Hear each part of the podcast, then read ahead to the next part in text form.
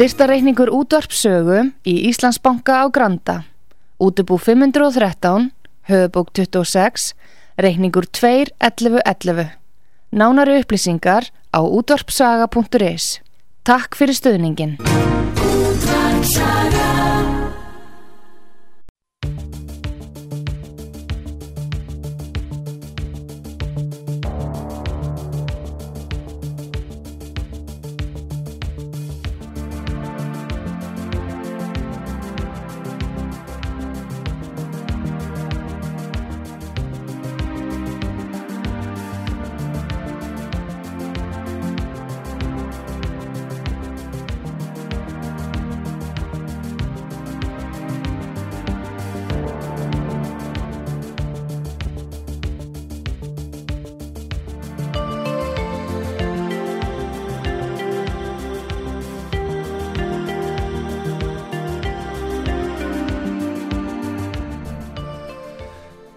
Komið sæli, ég heit Arnar Þór Jónsson og uh, þetta er þáttur sem að beri yfirskriftina í leit að sannleikanum. Og í dag er uh, gestur minn Þorstein Sigurlaugsson, hagfræðingur. Þorstein er reyndar uh, með bíabró í heimsbyggi einni og hefur svona látið til sín taka á reitvellinum síðustu misseri. Og ég hef bóðan hinga til mín til þess að ræða svona í víðu samhengi um atburði síðustu missera sem að tengjast koronaviru faraldrinum og viðbröð stjórnvalda við, við því fári öllu saman. Og uh, spurningin er þá sko hvort að hversu miklu leiti þetta er þá heimatilbúið fár líka sko. Og svona, ma, svona manngert fár. Þannig að það er eitt af því sem við ætlum að ræða. Og uh, við ætlum að horfa sem sagt aftur í tíman og uh, skoða málið svona í pólitísku og líðfræðilegu og heilsufastlegu tilliti en líka svona reyna að horfa fram á veginn. Hver, hver er lærdómurinn sem við getum dreyið af þessu? Þannig að Þorstein ég vil byrja á því að bjóða þig velkomin og þakka þið fyrir að koma. Takk fyrir það.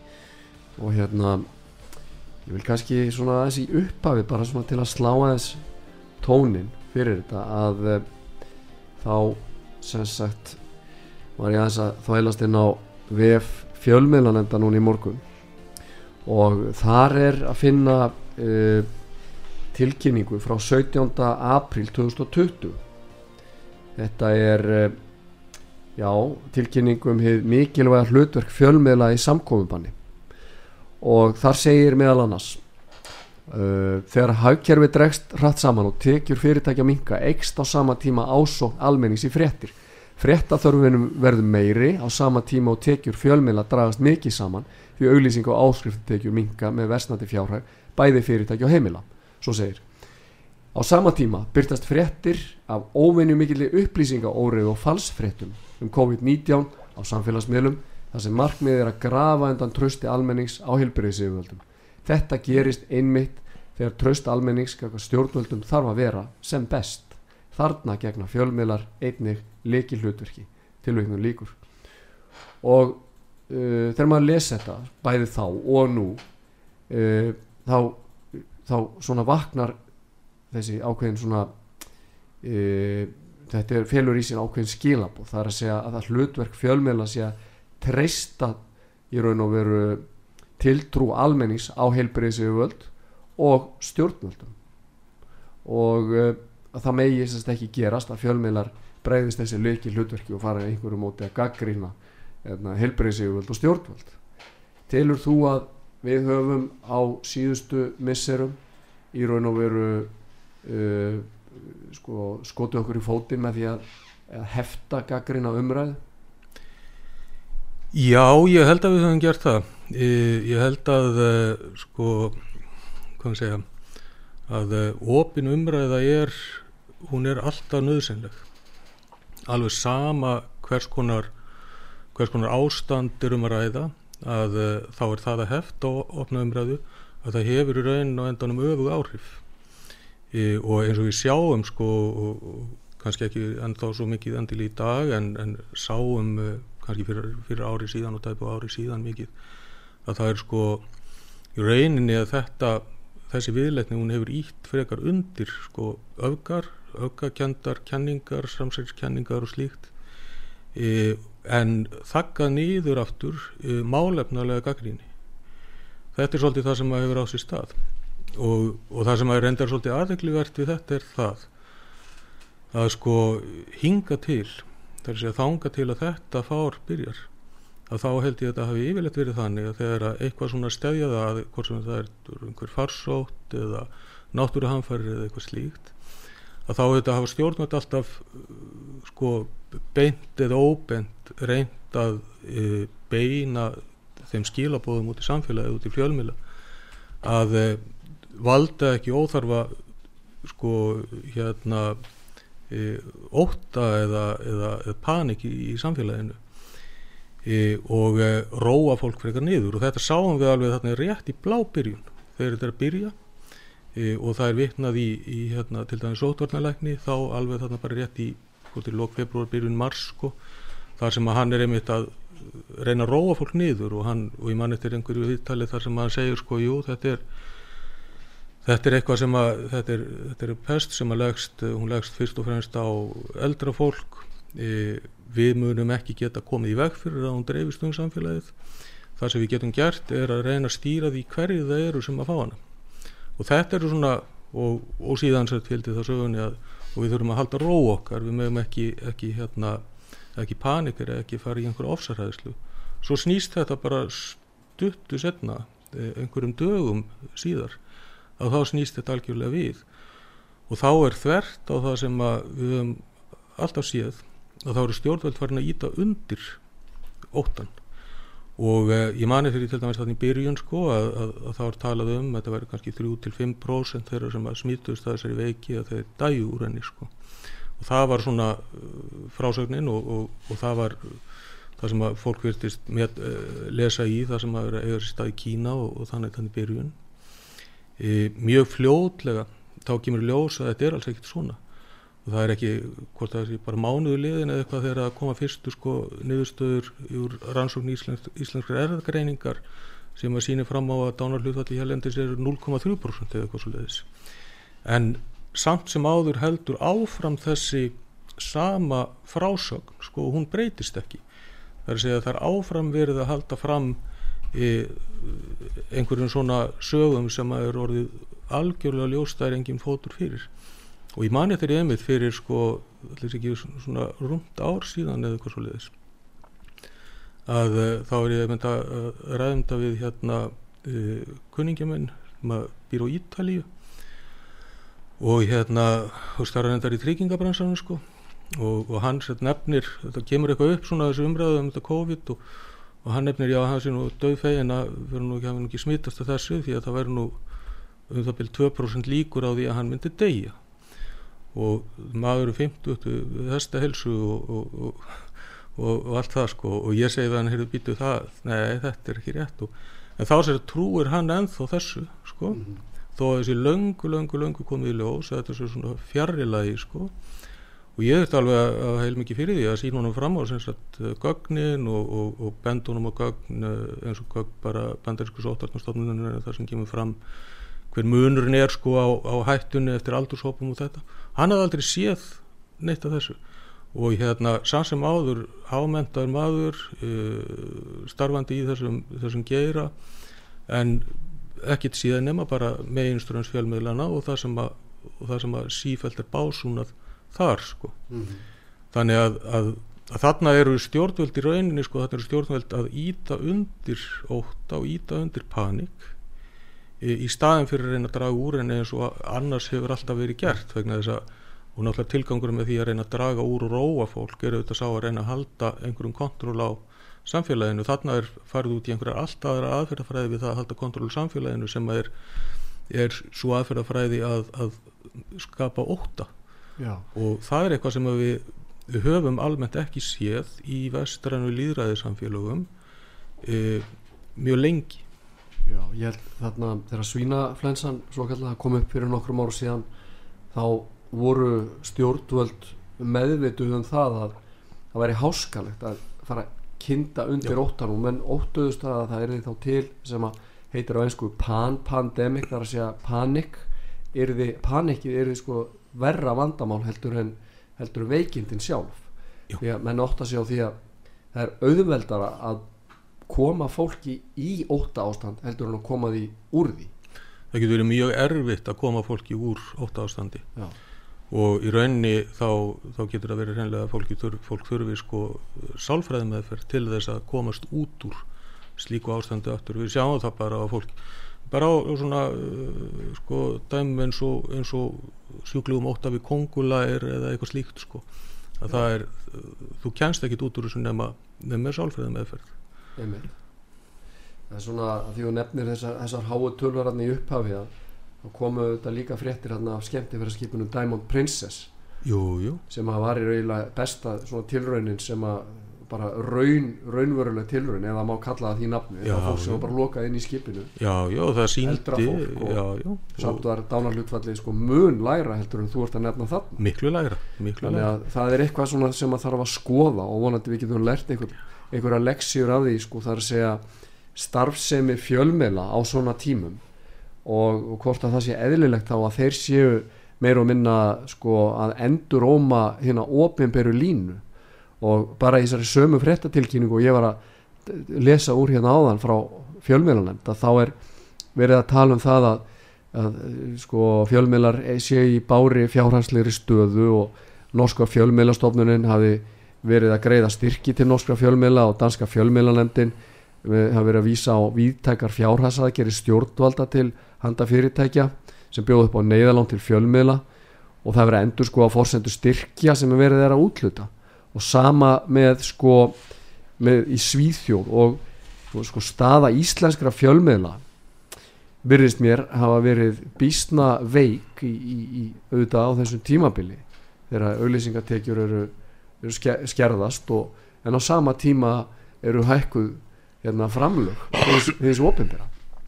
já, já, það er kannski erfiðara fyrir bladamenn og fjölmiðlamenn þá alltaf fara að vera að, að með sko gaggríni eða horfa á málið með, út frá öðru sjónarhóli. En sko hver er, ég meina ef allir eru bara í einni röð og einum kór að syngja þá er þá eru aukast auðvitað líkur á því að það verði slís sem er mögulega stærra heldur en það slís sem að myndi leiða af þessari einu ók sem allir eru að syngja um. Já, já, já, já. ég meina Og- hvert tjónið getur verið marg, margskonar það er auðvitað það sem að það er auðvitað það sem að hefur gerst sko. Í að, eh, að sko, eh, sko skaðsemin af þessum aðgerðum öllum. Og það er bara að koma á daginn sko, um allan heim núna skaðsemin af þessum aðgerðum öllum er langt um langt um meiri en skaðsemin af, af pestinni sko.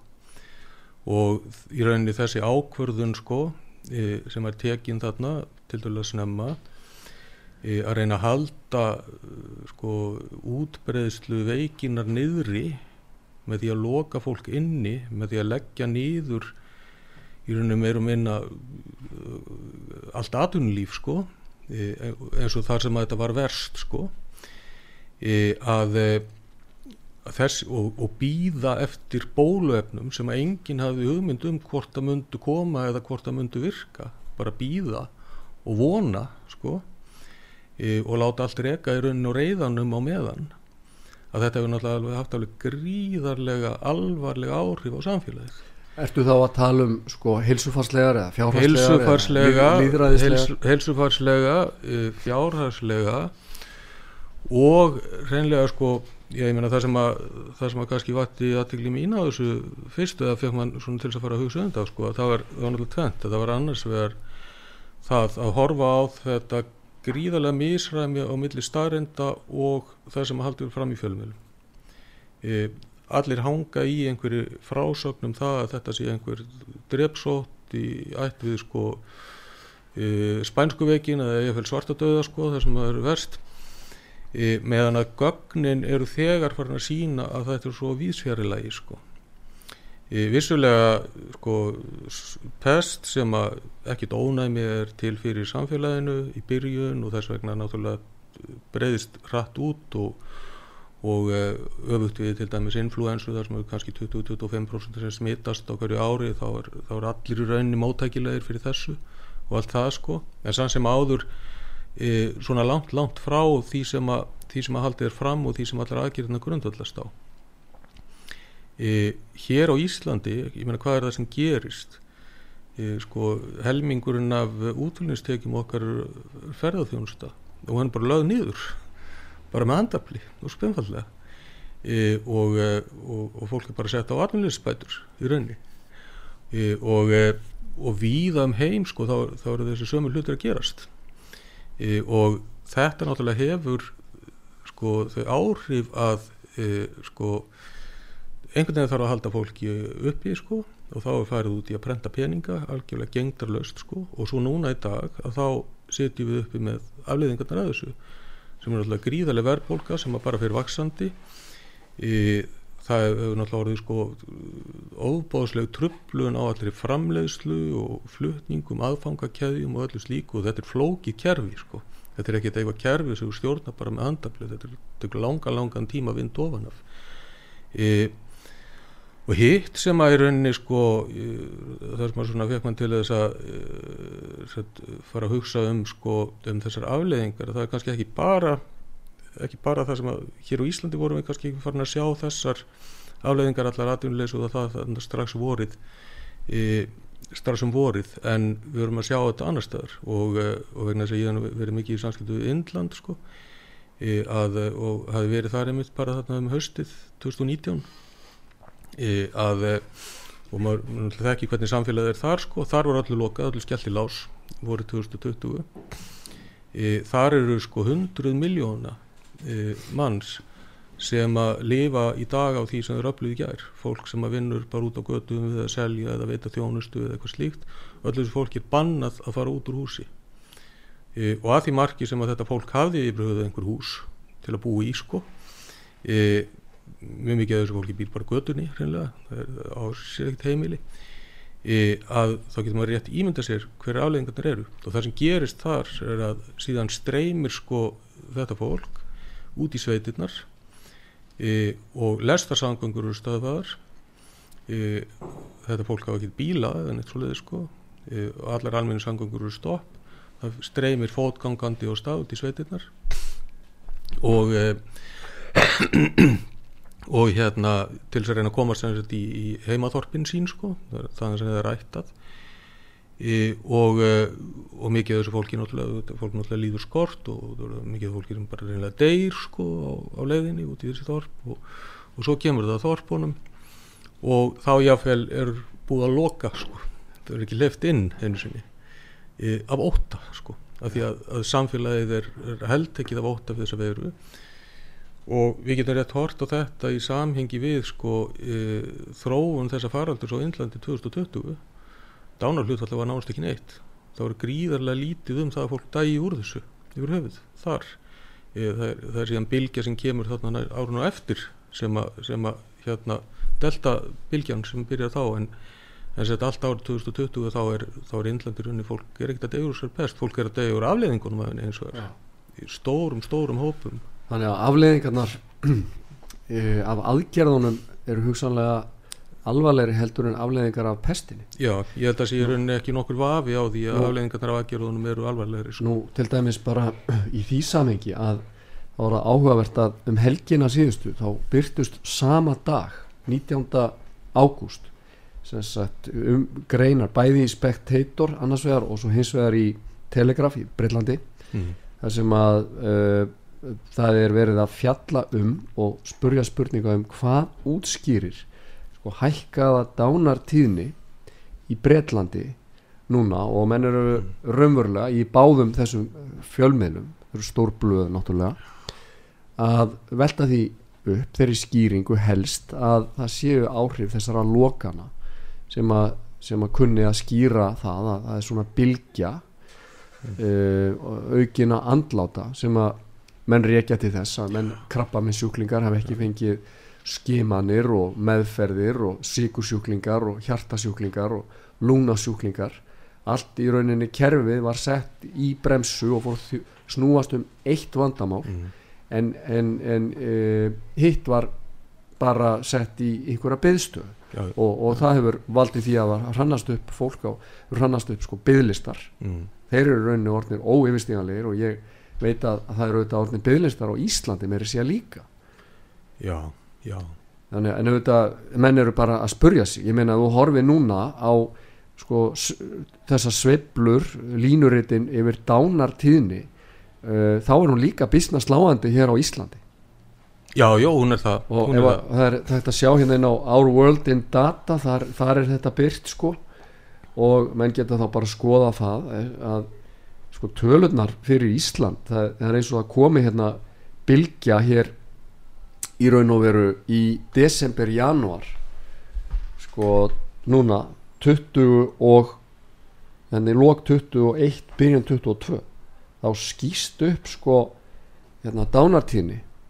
Já, akkurat, akkurat. Sem er ekki tengt sko COVID ekkert frekar í Nei. Breitlandi þannig að menn bara klóra sér í hausnum og Já. veit ekki því. Það sami er að gerast í Norei og víðar um heim sko þetta er að gerast um allan heim. Við erum að sjá þetta um allan heim og uh, við erum að sjá mjög skrítnar sko, skrítnar tölur víða líka sko. Uh, ég var að skoða til dæmis bara núna um daginn uh, þá uh, já það var bara núna um helgina reyndar.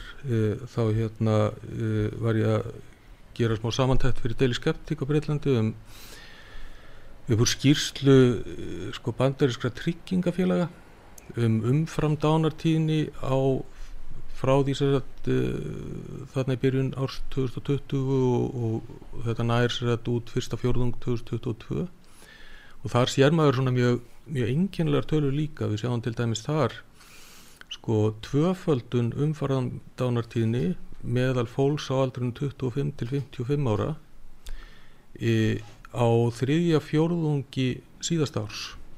Þá skýst hún upp sem sagt tvöfaldast, tvöfaldun umfram dánartíðni.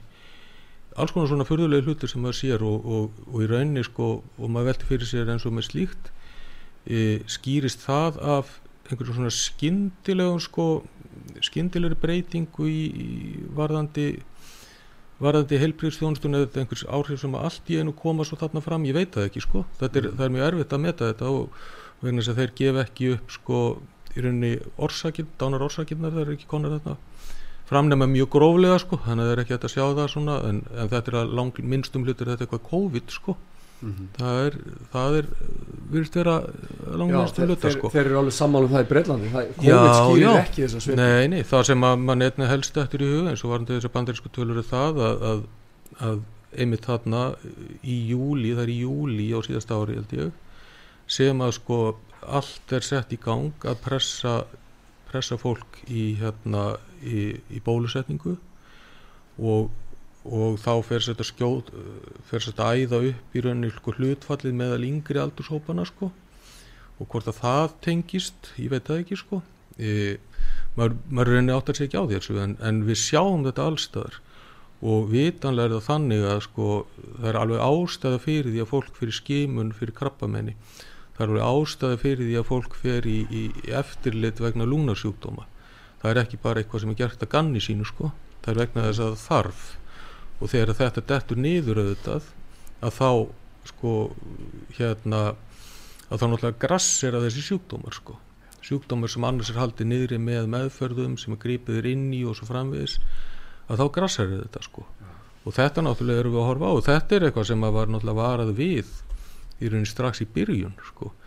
E, að Þess að- Hérna, tjón af, af bara völdum það, veist, þetta getur verið alls já, konar já, bara já. félagslegt já, og já, já, já, já, tjón og, já, já, og, og efnahagslegt og alls og, konar. og, og það sem að er svo merkilegt í rauninni við þetta er það að það er eins og þessi, þessi nánast bara meðvituð ákvörðun að horfa ekki á neitt annað en þessa einu pest já, og allt, öllu öðru rít til hliðar sko. já, sko, er ég verið að hugsa um þetta hérna, sko, auðvitað er rosalega þægilegt að eh, velja sér eina uppsprettu sannleikans og útiloka allt annað.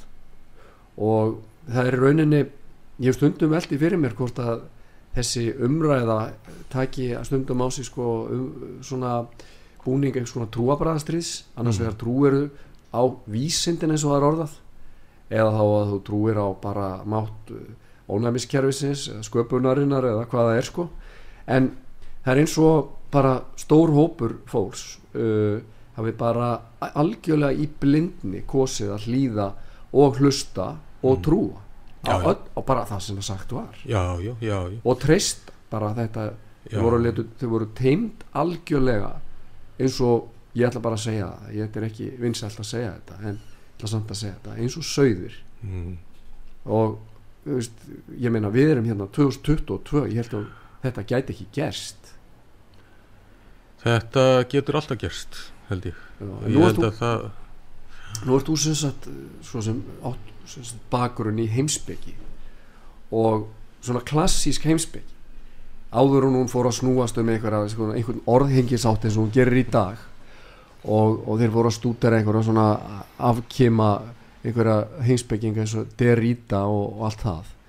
Að þá snerist heimsbyggi um bara hvernig á að lifa og hvernig tekst ég á við vandamálin sem að fylgja að vera lifandi og hvernig tekst ég á við dauðan og einhver var ekki bara Sókrates sem sagði að þetta gengi allt út á undirbúa sig fyrir dauðan en ég meina stór hluti þetta er gaggrín hugsun. Já, já, það er það, er það. Það er mjög stór hluti heimsbyggjunar og, og það sko e, það sem að sko heimsbyggin náttúrulega, jú, að hluta, að hluta stórum hluta, þá snýst hún auðvitað um það hvernig, hvernig á að lifa. Það er, það er náttúrulega siðfræðin. E, en hún snýst líka um það e, sko að skilja heiminn e, og e, átta sig á honum og, og, og hérna og náttúrulega að að greina og meta sko og reyna að átta sig á orsökum og afleðingum e, hlutana Mm e, og e, og það sko og ég, ég man eftir því að við þarna haustið 2020 sko e, eftir að maður var nú komin að þessu staði í svona að taka þátt í umræðum um þessi mál og, og, og hérna þá e, þá hérna fór ég svona að leita eftir sko hvað heimsbyggingar hefðu skrifað um þessi mál rauninni. Og ég fann alveg ég fann bara sára lítið. Það var raun ótrúlega lítið. Það var eins og heimsbyggingar hefðu miklu leiti bara haldið sér til hljés sko. Og kannski fundist bara að já, það er nú drepsótt og það heimsbyggi er nú ekki það merkilega það er, er, eitthvað að óta henni fram sko í, í, í drepsótt sko en e, e, það var einn heimsbyggingur sem sem hefði skrifað um þetta Giorgio Agamben sem er ítalskur heimsbyggingur en frægasti heimsbyggingur ítala. Og, eh, og hann sem sagt hann setti þetta þannig fram að þetta væri það sem væri að þessi stað væri rauninni sko hápunktur uh, leikni sem að hefði lengi verið til staðar í vestarinu samfélögum uh, í átt til allræðis þar sem að uh, sko borgararnir væri í rauninni að verða algjörlega ofurseldir valdinu. Svona í mjög, mjög, mjög gróðum dráttum getur við sagt það. Og, eh, og hann, það, það var ráðist mjög á að Gampen fyrir þetta og, hann gaggrindi mig harkalega og, og hérna en síðan hafa nú komið fram sko og kannski ekki bara í heimsbyggi heldur líka í sálfræðinni sko fleiri og fleiri sem að hafa talað um svona á tiltölulega svipuðum nótum sko og, e, og þar finnst mér nú standa upp úr hérna meðal hans e, e, Mattias Desmey sem er belgískur sálfræðiprósur sem að hefur verið að rannsaka sagt hann hefur raunverulega verið að fókusir á sko á allræði og, og, og hérna og allt sem að því tengist lengi Mhm.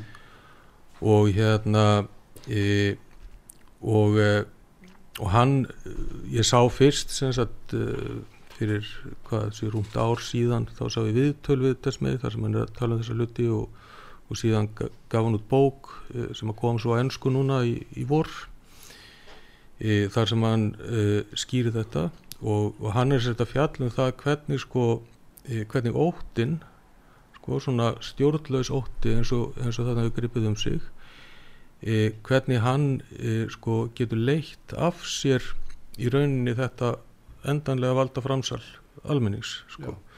Þannig að við gerum kannski, við ræðum það kannski nánar eftir auglýsingarlið en uh, ég byrð þig og hlustendur að velta því fyrir ykkur á meðan að auglýsingunum stendur hvort að við séum mögulega núna á síðustu missunum þá komin inn í eitthvað svona tíðanbíla sem að þessu, þessu ferli hefur verið hraða þar að segja að almenningu verði sífælt háðari sko, al, hérna, stjórnvöldum til dæmis með því að gera okkur háð ofinbæri framfæslu þegar fyrirtækjum er lokað eða gert erfiðara fyrir að starfa. Það er svona eitt þátturinn. Og með því að, sagt, stýra í rauninu að veru fjárveitingu til fjölmiðla og, og gera þá í rauninu háða e, hinn og ofinbæra líka. Það eru svona ímsar ímis svona umhugsun að vera teikna á, á, á lofti þar. En uh, ég held að sé ástæða til þess þó steit núna ánum við gerum hlið að, að þakka hérna útvarpi sögu fyrir að hleypa þinni rött hérna að. Hefur verið bóðaður á rúf eða aðrar út á stöða aldrei, aldrei nokkuð tíma sko. En þú ert búin að skrifa í erlenda fjölmiðla. Já ég hef náttúrulega verið núna undanfarið svona tæft ár hef ég verið að, ég skrifaði nú daldið í blöðin hérna heima sko byrjaði því að 2020 e, og e, en síðan svona undanfarið ár hef ég mest verið að skrifa fyrir erlenda fjölmiðla, ég verið að skrifa fyrir Daily Skeptic á Breitlandi fyrir Brownstone Institute uh, uh, út í Bandaríkjónum Epoch Times sem er stort, stort blad þar líka Conservative Woman og fleiri miðla sem að sem að svona hafa verið svolítið fókusir að er á þetta sem sagt að að, að, hérna, að benda á í rauninu og, og, og upplýsa fólk um um ímislegt sem ekki kemur fram í, í meginströmsfjölumilunum Já þannig að þetta er í raun og veru sko spurningin lítur í raun og veru út frá mínu sjónarhóli einmitt út frá því út að, semst, lítur að því hvernig við getum varið bara réttaríkið og hvernig á svona tímum í raun og veru er réttaríkis hugmyndin er skrúið í sundur mm. og veikt mm. með óta og áróri já, þannig að já. það er svona eitthvað sem við mögum ræða þá eftir hlið og, og hérna tökum þá upp þráðin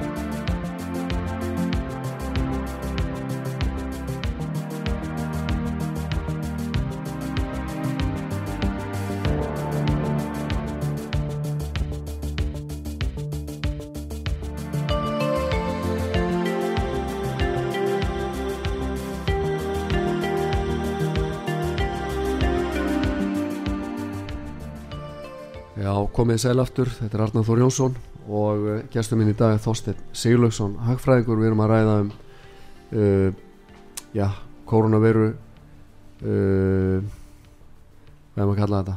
Fárið. Fárið.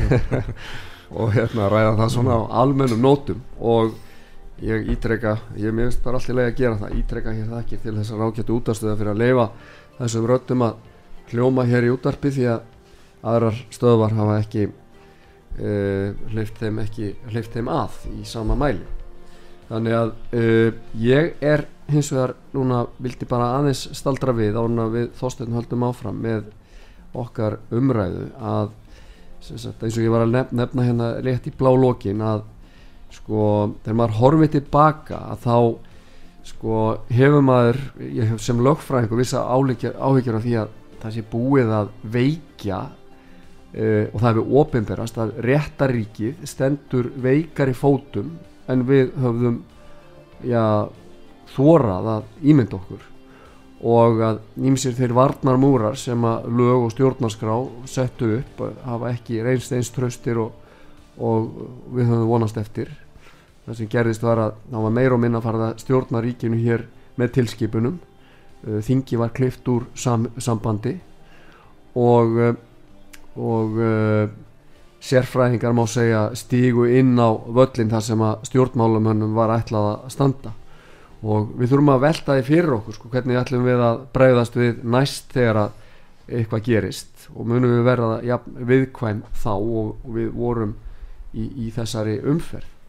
Og ætlum að læra ykkur að leksíur að þessu. Ég ætla að segja hérna, bara á þess áður en ég kem síðan að því við vorum að ræða hérna um svona þessar já, ískikilugu tölur hérna um dánartíðni bæði hér á Íslandi og annar staðar sem eru óutskýrðar þegar þetta er mælt að ef að fólki voru áhuga þá getur að fara inn á Our World in Data og leita þar á Excess Mortality og þetta eru línuritt sem að heita Cumulative Numbers of Death from All Causes Compared to Projection Based on Previous year, Years per Million People. Þannig að þá sér maður svona uh, já, ákveðna fylgni millir ríkja sem er ekki fallið að sjá. Og uh, uh, ég veit, ég vil líka kannski hérna að því við vorum aðeins að ræða um svona uh, ég var að ræði síðasta þættu um fagstjéttur og ábyrð þeirra og, og þóstið fór að ræða um heimspekingan áðan og, og fleira sko að, að átti sig þetta stað mikið uppgjör í Þískalandi eftir setna stríð og lögfræðingar meðal annars spurðu sig byttu á hverju tóku lögfræðingar svona virka þátt í því að innlega þetta nýja stjórnafar og einskýringin var svo að já við erum lögfræðingar, við hlýðum í raun og veru bara lögunum og spurjum einhverja spurninga um hvers efnis lögin eru. En það var einn dómari í Þískalandi sem skrifaði grein gegn þessum óttarök þessum rökum og, og svo sagt uh, sagði sko ok, það, það gæti vel verið að menn hefur þá verið í hættu sem við stýðum fram og farið að tjá sig. En er óttin, af því að þóstirna er að tala um óttan er það í raun og veru afsökun, leysir það okkur undan ábyrð og í þessari grein sem var nú daldi fræg að þá benti þessi dómari á það að margar starfstéttir búa við það að þurfa að takast á við ótta og jafnvel að fórna lífinu í þáu svona bara þess að verja innviði samfélagsins og nefndi slökkvölismenn og lauruglumenn og og skipstjóra og, og fleira í, í því samhengi. Af hverju má ekki gera sömu kröfu til þeirra sem er að verja réttaríki af hverju má ekki gera slíkar kröfur til embætismanna og dómara og stjórnmálamanna? Að þeir komi í raun og veru þá réttaríkinu til varnar þegar, að, þegar það er veikt svona í, í eh, einu vettfangi eins og gerðist hér. Og hvað með hérna sko fjölmiðlamenn af hverju eru þeir ekki voru þeir ekki gaggrín gaggrítni en þeir, en þeir raun voru? Og hvað með læknana og, og, og þessa sérfræðinga sem að töluðu af því sviði?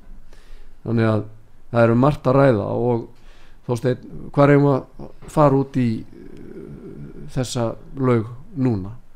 Já, sko ég, ég held að sko sko ótti er eitt held ég.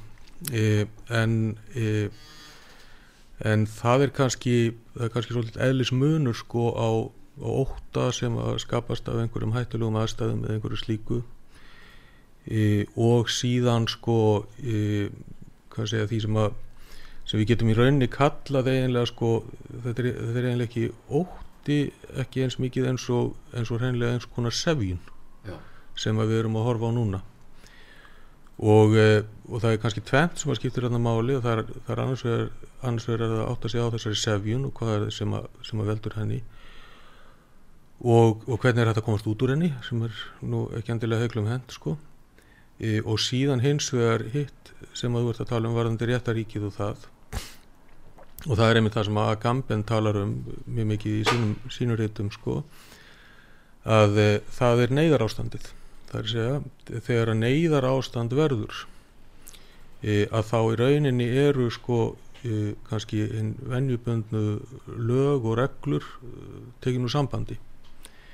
E, og slíkt getur auðvitað verið réttlættilegt ef að raunverulegt neyðar ástand er til staður e, að segja e, setur sér svo að það sko hérna fara að gjósa undir fótunum á okkur eða eitthvað sko að þá erum við ekki endurlega að spá mikið í byggingareglu gerðir sko mm. e, við erum ekki endurlega að velta fyrir okkur einhverjum formlegheitum eða einhverju slíku sko. E, og, e, og stjórnvöld þurfa þá að geta sveit, gripið inn í og, og gripið til aðgerða til þess að, að spórna við neyðar ástandinu en það sem að Gamben talar um er það að, að neyðar ástandi sé í raun orðið viðvarandi sko.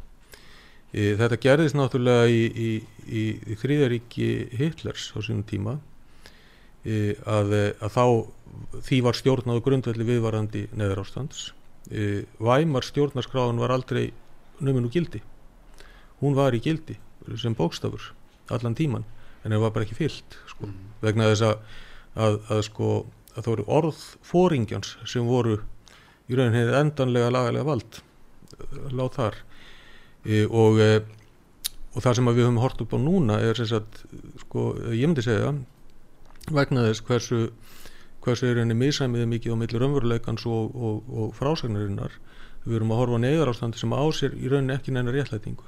Það ásir ekki neina réttlætilegar fórsendur og hvað er það sem getur viðhaldið e, lagt grunninn að og viðhaldið því að hægt sé að koma á slíku neyðar ástandi að það er sefjunin.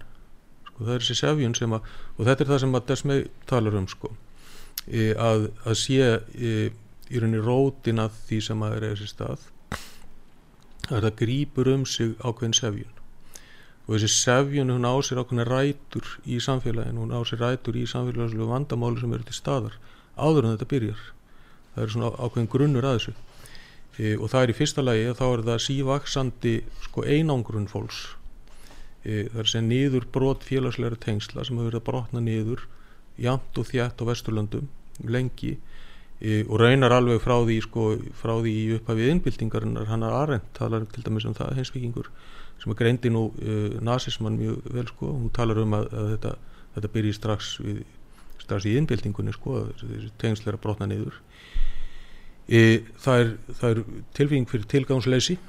E, fólk er í æg meira mæli e, til dæmis bara í störfum sínum e, að gera eitthvað sem það sér engan tilgangi í ég held að uh, sko David Graeber hérna mannfræðingur nú, nýlega látin hann skrifaði merkabók fyrir nokkrum árun sem heitir Bullshit Jobs þar sem hann greindi sér satt í rauninni þetta ástand. Og uh, og meðal eina niðurstöðum hans er svo að sko 42% Európabúa e, þeir líti ekki bara á starfið sitt sem tilgangslöst heldur beinlýnis skadlegt fyrir samfélagið veist, það, er, það er ekki, ekki minnað það. E, þannig að fólk og eiga er þá við bara það að þetta sko fel í sér útgjöld fyrir samfélagið útgjöld og sóun og trublun bara á Já. lífi fólks og, og svo framvegis. Símasölu menn til dæmis sko þeir líta þannig á, okay. þeir vita það þeir eru að trubla fólk, þeir eru að ringja á hvern þetta tíma sko. Já, og, hérna, og, og trubla mann sko. Og hérna en þetta sem sagt þegar, þegar fólk hefur ekki, hefur ekki lengur tilgang mm. e, og félagslegu tengslinn eru, eru brotið niður og einangrunin hefur tekið við og, e, e, og einangrunin sem sagt sem að er sko, ég var nú einmitt bara að skrifa þetta stuðan pistil í gæðir e, og, og horfa þá það sem að Hanna Arendt sko hvernig Hanna Arendt lýsir þessu í, í lokin á, á sínu stóra rétti rætur allræðisins þar sem við erum að tala um sér munin sko á, uh, á einveru uh, einmannalega og einangrun ja. og, uh, og hún sem sagt segir sko í, í sem sagt sko í, undir harðstjórn að þá er leitast við þá leitast harðstjórnin leitast við að brjóta niður sem sagt möguleika manna á því að koma saman ræða saman á pólitísku vettvangi og geta þar af leðandi enn til uppþóta og byltinga og, og svo framvið sko. E, en e, allræðistjórnin hún verður að ganga lengra. Hún verður í rauninni að hún, hún grundvallast á einmannleika. Hún grundvallast því að fólk hafi í rauninni öll tengsl ekki bara pólitísk heldur reynilega félagslega þau, þau rinni og hérna e, og þannig að þetta er sagt þetta eru, þetta eru tveir þættir þarna. E, þriðji þátturinn er síðan e, það sem að Desmið kallar óbundin kvíða. Þar að það er kvíði sem að er ekki bundin neinu sérstaklega viðfangi. Það er bara svona einhver svona óþægind á kvíða tilfinning akkvart bara e, lífinu og tilverunu í, í sjálfu sér. Á þessari bundis, bund, bindisneinu sérstöku. Og síðan í fjórðalagi óbundin árásarnið til þess, til þess að ráðast, ráðast gegn öðrum og e, það sem gerist síðan e, eins og hann lýsir þessu er það að skindilega verður til eitthvað viðfang. Kvíðinn fær viðfang. Og viðfangið í þessu tilfelli að það er þessi óbáðslega drepsótt. Mm. og e, þá allt í hennu fellur allt einhvern veginn sko það fellur allt saman. Þessi kvíðinn hann er komið viðfang. Við erum komið tilgang í lífinu sem er að berjast við þennan óvinn sko. Og, og þess með talar um einmitt sko þegar belgísk stjórnvöld voru að tala um við erum hér 11 miljóna manna í stríði við koronaviruna sko og þetta er svona og þetta er, þetta er sama sama hérna sama, sami áróðurinn verið um allt sko e, þannig að við fáum þennan tilgang og tengslinn síðan sko við fáum skindilega þessi þessi rauninni tengsl sem eru þau að vera þáttakandi í þessu stríði sko. okay. Þannig að, ég sem einstaklingur er, er einangur ég er svona lokaðurinni heima hjá mér Já. en ég tengist öðrum í gegnum það að ég er þáttakandi í þessu stríði ég fer eins og, eins og var í Breitlandi út á tröppur, út á svalir einu sinni í viku til þess að til þess að fagna heilbriðir starfsmannum sko. Og, og hérna klappar eins og tamin selur já, klappar eins og tamin selur fyrir, fyrir, fyrir læknum og, og, og hjógrunar fólki sko. Og svona og hérna og þannig, þannig í rauninni þannig verður þetta að einhverju sem að sem að sko sem að þar sem að þar sem að all þessi vöndun, all þessi skortur og tengslum, skortur og tilgangi og allt það að það, það skyndilega er hverfur. Það stríðið er orðið sko, stríðið er orðið, orðið þetta sameilega stríð já, já. og þessi sameilega óvinnur já, er orðin sko hérna, aflgjafi og sameiningarafl. En nema það vandamálið það er mjög neikvægt og oft er þetta bara hreint og beint sko hatur og óvild það er hatur og óvild sem að fólk saminast um. Það er það. Og það og, er og það sem að í, í Árvel 1924 er þessu bara líst einmanna sálir og einágraðar komast sam, koma saman eins og ég var ekki, var ekki bara einn svona dag hattus hérna, korterið eða hvað er það sem allir gáttu öskra já, já. á hérna, sem að, mann sem að var sennilega tilbúin en, en var hataður. Já, nákvæmlega, nákvæmlega. Og þetta sjáum við í sko skýrir þetta, þú veist, þetta einhver leiti sko alltaf þegar maður sér í þessum mótmælum erlendi sko hérna, alltaf þess að reyði sko sem að beinist þá að tiltaknum þjóðfélagshópum undir, reyndar vel að merkja undir merkjum kærleika og umburlendis mm, mm. er þá ráðist að öðrum með heft og reyði Já, já, það er það sem gerist og, er, og þá verður það sem sagt og í rauninni eins og við sáum alltaf strax þarna í byrjun sko, þá verður það þeir sem að efuðust sko já. um að þetta væri alltaf rétt þeir sem efuðust um að þetta væri nú svona alvarleg veiki og þeir sem efuðust um að það væri náttúrulega skynsald að vera með svona tuskur framann í sér alltaf reynd og eitthvað slíkt sko að, að, að þeir verður þá að fara fyrir barðinu á, á þessu og, og svo setna meir sko eftir að raunverulega úrlausnin er, er fengin sko sem að eru bóluöfnin að, sem að náttúrulega hefur svo komið í ljósa verði í miður ekki negin úrlausn sko. En þá þá eru þeir sem að efast um, um virkni þeirra eða gildi eða vilja ekki af einhverjum ástafan láta bólusetti sig eða eitthvað slíkt sko en þetta var sko, ef maður hugsa tilbaka til dæmis aftur til 2020 sko, að hérna að ég fór svona, maður fór svona mjög fljótlega að stöðum þetta allt saman og, og, og maður fór fljótlega að að velta fyrir sig sko hva, hvort það væri einhverju leiðir út úr þessu. Og maður sá í rauninni ekki endilega neina leiðir út úr þessu sko allavega þannig í byrjun sko. Þess að þetta sko hvernig, hvernig átti þetta stöðvast öðruvísi en að annarkort maður bara segja ok, nú er nóg komið, nú hættu þessu ruggli sko eða þá að það kemur bóluefni og þau myndu tryggja það ef við nefnum ónæmi eða eitthvað slíkt sko.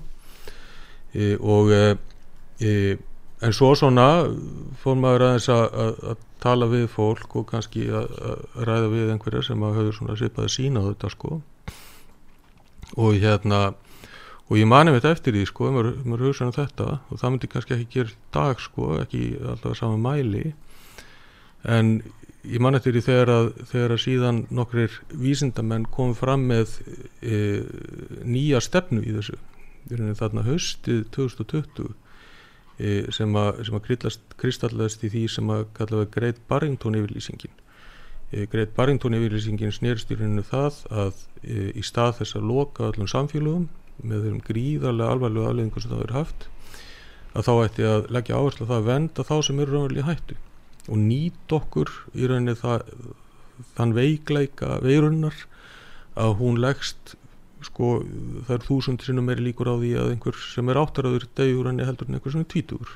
Og við nýt okkur þennan veikleika og við hefum þá að skipilegja aðgjörðunar út frá þessu. Og þetta er raunverulega og þetta er sjálfsveit ekkert nýtt vegna þess að það er, það er alltaf svona sem að hefur verið e, tekist á við, við vandamálu þessum toga áður sko. En það er, það er hins vegar alveg óutskýrt ennþá þóstið hvers vegna kusu stjórnvöld á Vesturlöndum og kannski viðar einmitt að víkja frá þessum viðmiðum sem Já. alltaf höfðu já, gilt? já, nákvæmlega, nákvæmlega. Hefur einhver svar á því? Nei, ég held að það hefði engin svara því. Ég vil að það margir veldi fyrir sér e, af hverju það gerist sko.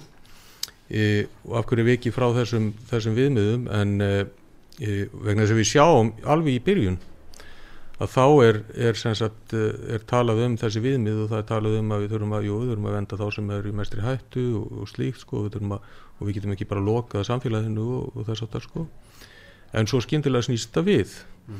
E, og e, sko maður sjálfur sér hefur ekki neina aðra skýringu á því en þá að sko það verða ákveðin panik viðbröð Já, og það sem gerist í Kína já, í Kína verða panik viðbröð það er að segja að, að Wuhan borg er bara lokað, það er öll skellt í lás þegar þetta greinist þarna eða fljótlega eftir það.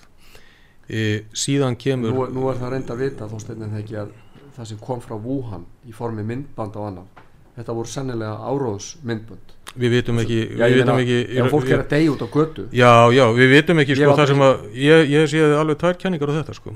Önnur kenningin er svo að þetta sé áráðusmyndband e, af hálfu stjórnvalda og það er þá hluti af þeirri kenningu að þetta hefur einhvern veginn verið planað kínverkun stjórnvaldum sko.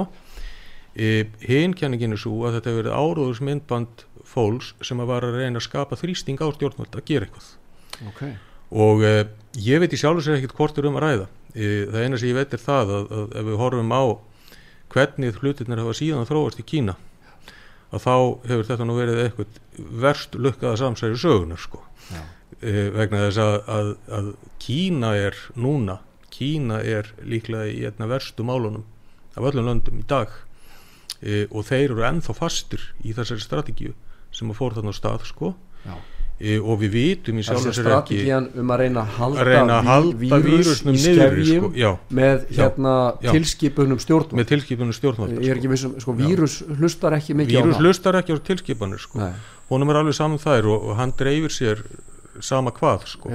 en við sjáum bara, þú veist það er nú er sko bara efnaðslega og öllu leiti þá er Kína komið í alveg gríðalega slæmmál e, vegna þess að þeim hefur ekki tekist að brjótast út úr þessu Mhm. e, þannig að en, en sens að það sem gerist þarna í byrjun allavega er það að, að það er þessi lokun Mhm. þannig í Kína síðan kemur þetta til Ítalíu og Ítalía e, fer í þessa vegferð og lokar öllu e, og e, þar er eiginlega sko komin svona komin forskrift það er komin Já. ákveðin forskrift sem og nótabenni frá allræðisíkinu frá, sem að upphaflega á sér rætur í allræðisríkinu Kína sko. Já, e, síðan kemur hérna e, síðan, síðan kemur ferðabannið sem að Trump stjórnin setur Já. þar sem er lokað á Kína og svo lokað á Evrópu. Mhm.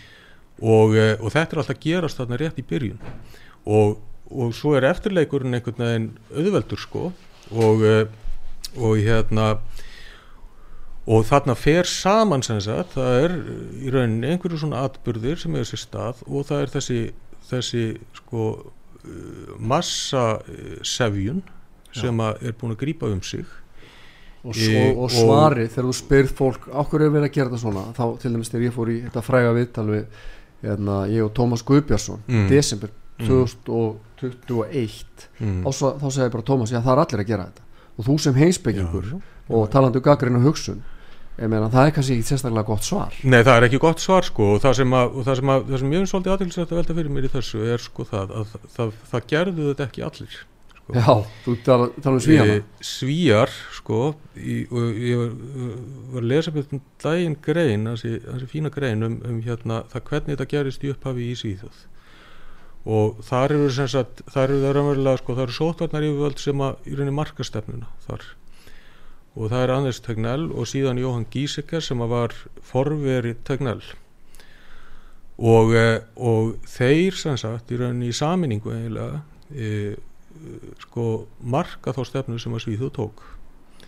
E, Gísek að hann hafði upphálega hann hafði ráðið Tegnell í starfið vegna þess að hann sagði að honum er nákvæmlega sama um hvað annað fólk segir um hann. Og þetta leita hann á sem mjög mikinn kost sko.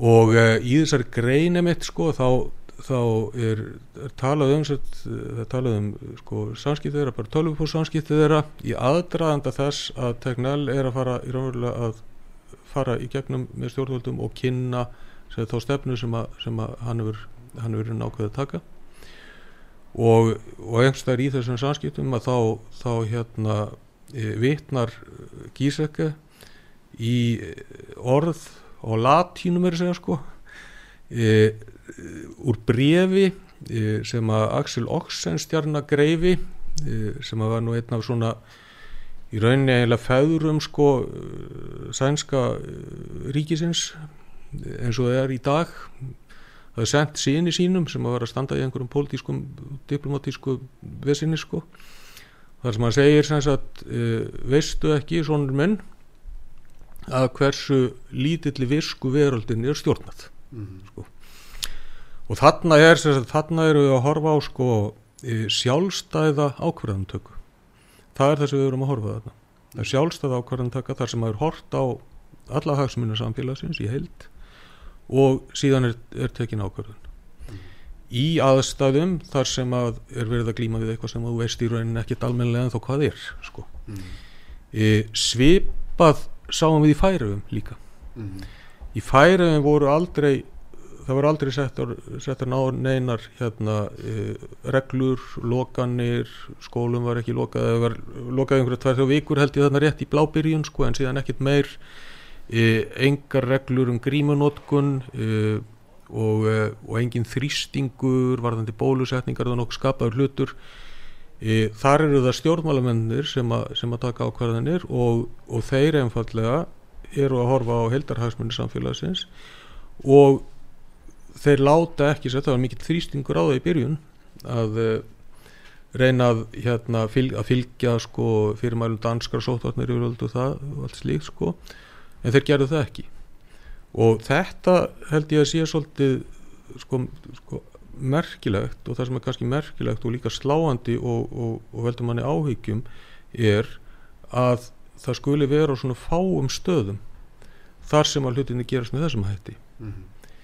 e, og, og það er kannski eitthvað sem við getum komið inn á sko e, er, er einnig hvaða sko hvaða hérna hvaða forsendur líkja á bakvið það að nánast allstaðar annar staðar er þessi sjálfstæða ákvarðan taka einhvern veginn henni rítil hliðar. Sko, og ábyrg stjórnmálamanna e, hún verður óvirk í rauninni. Já, akkurat, það tengist einmitt áhyggjum mínum af mm. bara réttaríkinu og líðræðislegri sko valdtemprun og, og mm. valddreyfingu þannig að þegar það gerist að lögjafavaldi í rauninni veikist eins og við sáum gerast þarna mm, mm. og í rauninni framkvæmdavaldið fyrir að taka öll völd þá verður sko dómsvaldið að stíga miklu sterkar inn mm. en hér og mér sínist í nágrannlandum okkar reyndar þá, þá bara sögðu dómstoflandin einfallega bara heyrðu neða við verðum bara að játa þeim sveigurum til að stýra þessu þannig að þeir, fóru, þeir sleftu mm. fætinum af bremsun af því að það er neður ástand já eða ætla mm. neðar ástand því að við vorum auðvitað ekki öll í sömu hættu frá þessari veiru eins og þetta benda en þó að ofinbæra línan hafi verið við vorum öll í sakalegri hættu. Þannig að þetta er eitthvað sem við ætlum að ræða betur. Mm. gerum smá hlýja núna, höldum svo áfram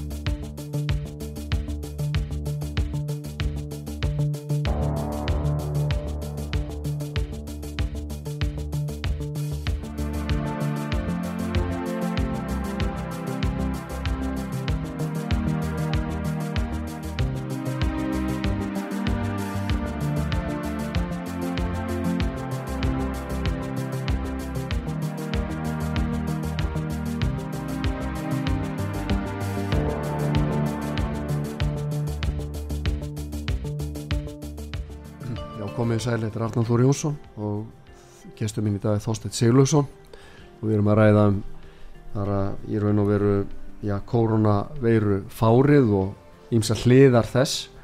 Og uh, ég hef á síðust árum, ég held að ég hef byrjað þarna eigi síðar en sumari 2020 og ég raun að gaggrýna svona það sem að uh, á það, þá vekkferð sem við vorum á. Og ég hef ítrekað frá því í rauninni kallað eftir aukinni gaggríni vegna þess að ég tel að gaggrinni í, í því formi hvaðan sem hún kemur og hún þarf að koma sem víðast að hún er öryggisventil og það er staðar reynd að, að eh, til dæmis normenn stóðu sér miklu betur heldur en við. Það er staðar reynd að landlægsembætti í Nóri bjófi meiri gaggríni, faglega gaggríni vísindamanna heldur en var til dæmis hér. Það er staðar reynd að þeim óbólusettir voru aldrei útmálaðir í Noregi sem einhvers konar hætta við samfélagi vegna þess að norska vísindaráðið einfallega bara stöðvaði það af á grundvelli rannsóknar sem fram voru komnar.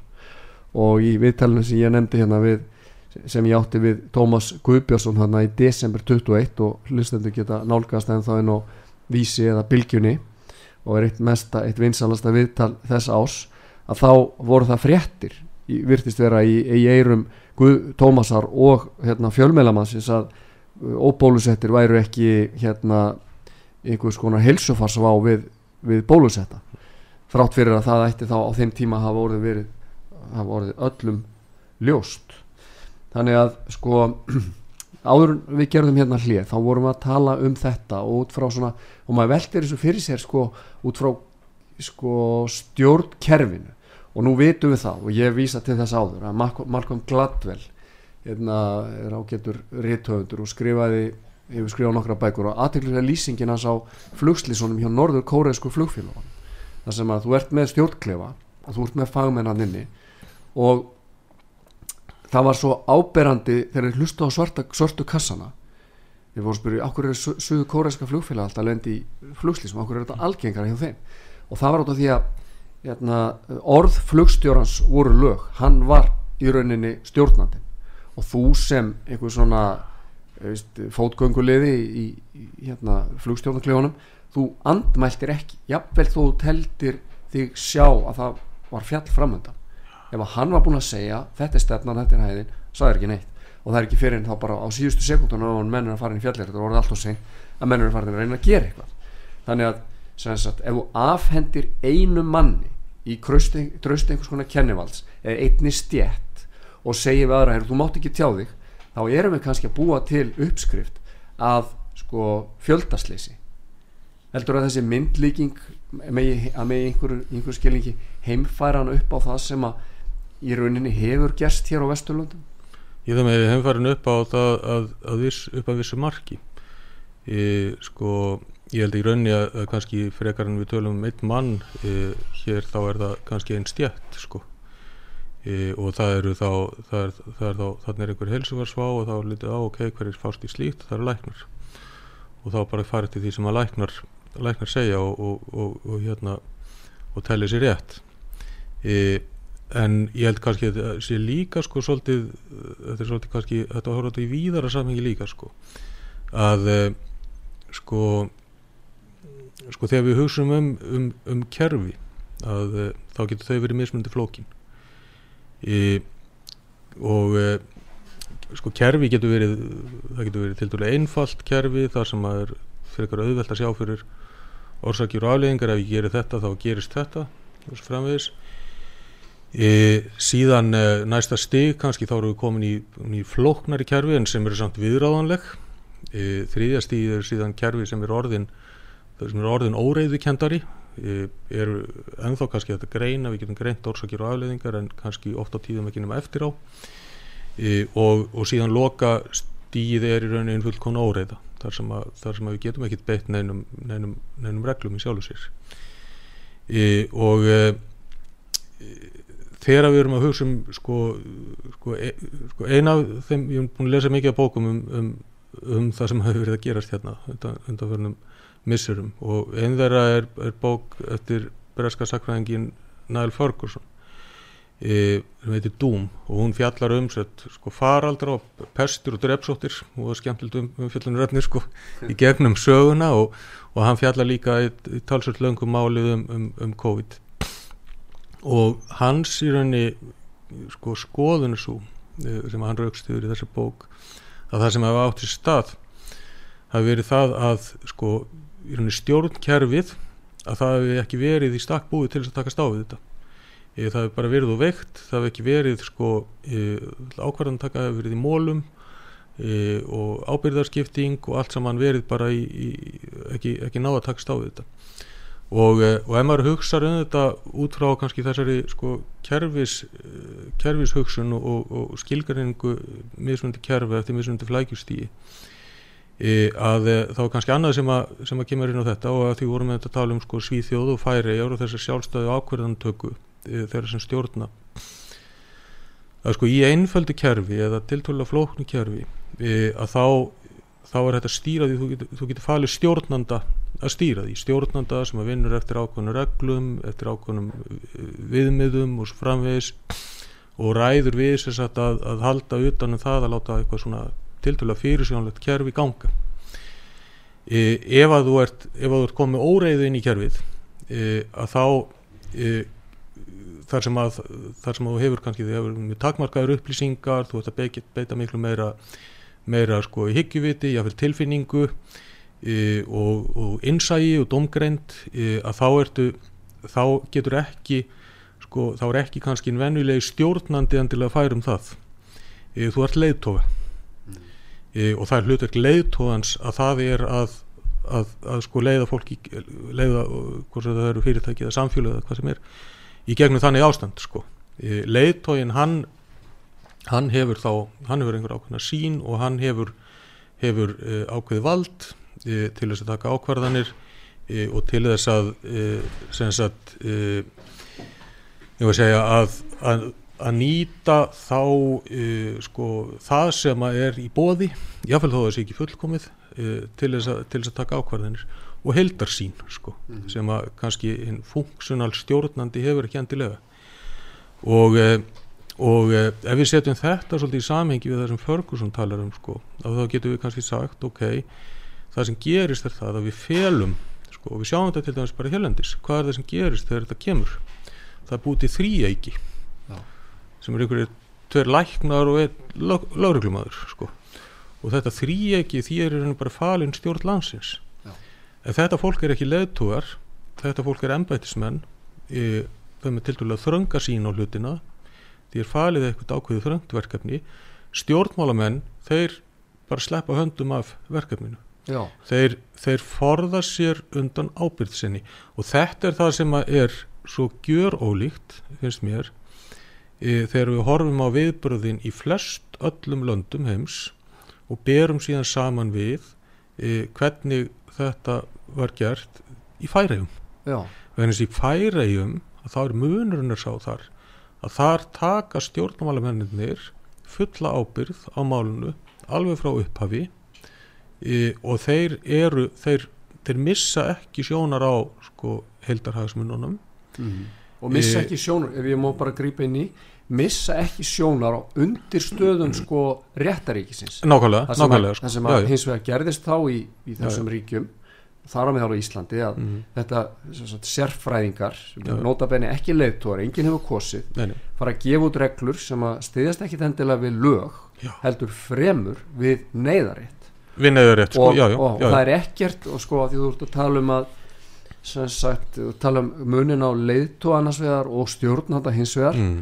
að þá ímynda ég mér til dæmis að góðu leiðtói myndi hlusta á mm. það sem aðri segja í auðmíkt góður, góður leiðtói gerir það já, en þá þarftu að, já, þá þarftu að þá þarftu að sko það er að segja leiðtógarnir þeir sem að eiga að vera leiðtógar sem að eru stjórnmálamennir sem eru kostnið til þess e, að þeir í rauninni bregðaslutverki sínu e, og fela einfallega sko kerfinu, ennbætismanni kerfinu e, að leysa úr einhverju sem að þetta kerfi er ekki hannað til að leysa úr. Þar er að þetta kerfi er búið til til þess að fást við e, einfalt eða tiltölulega eða kannski hófulega flókið ástand sem er fyrirsjáanlegt. E, það er ekki búið til til þess að fást við eitthvað skindilegt áfall sko. Og e, þar sem að sko í rauninni lítið er vitað og, og, og, og hlutinir eru óljósir sko.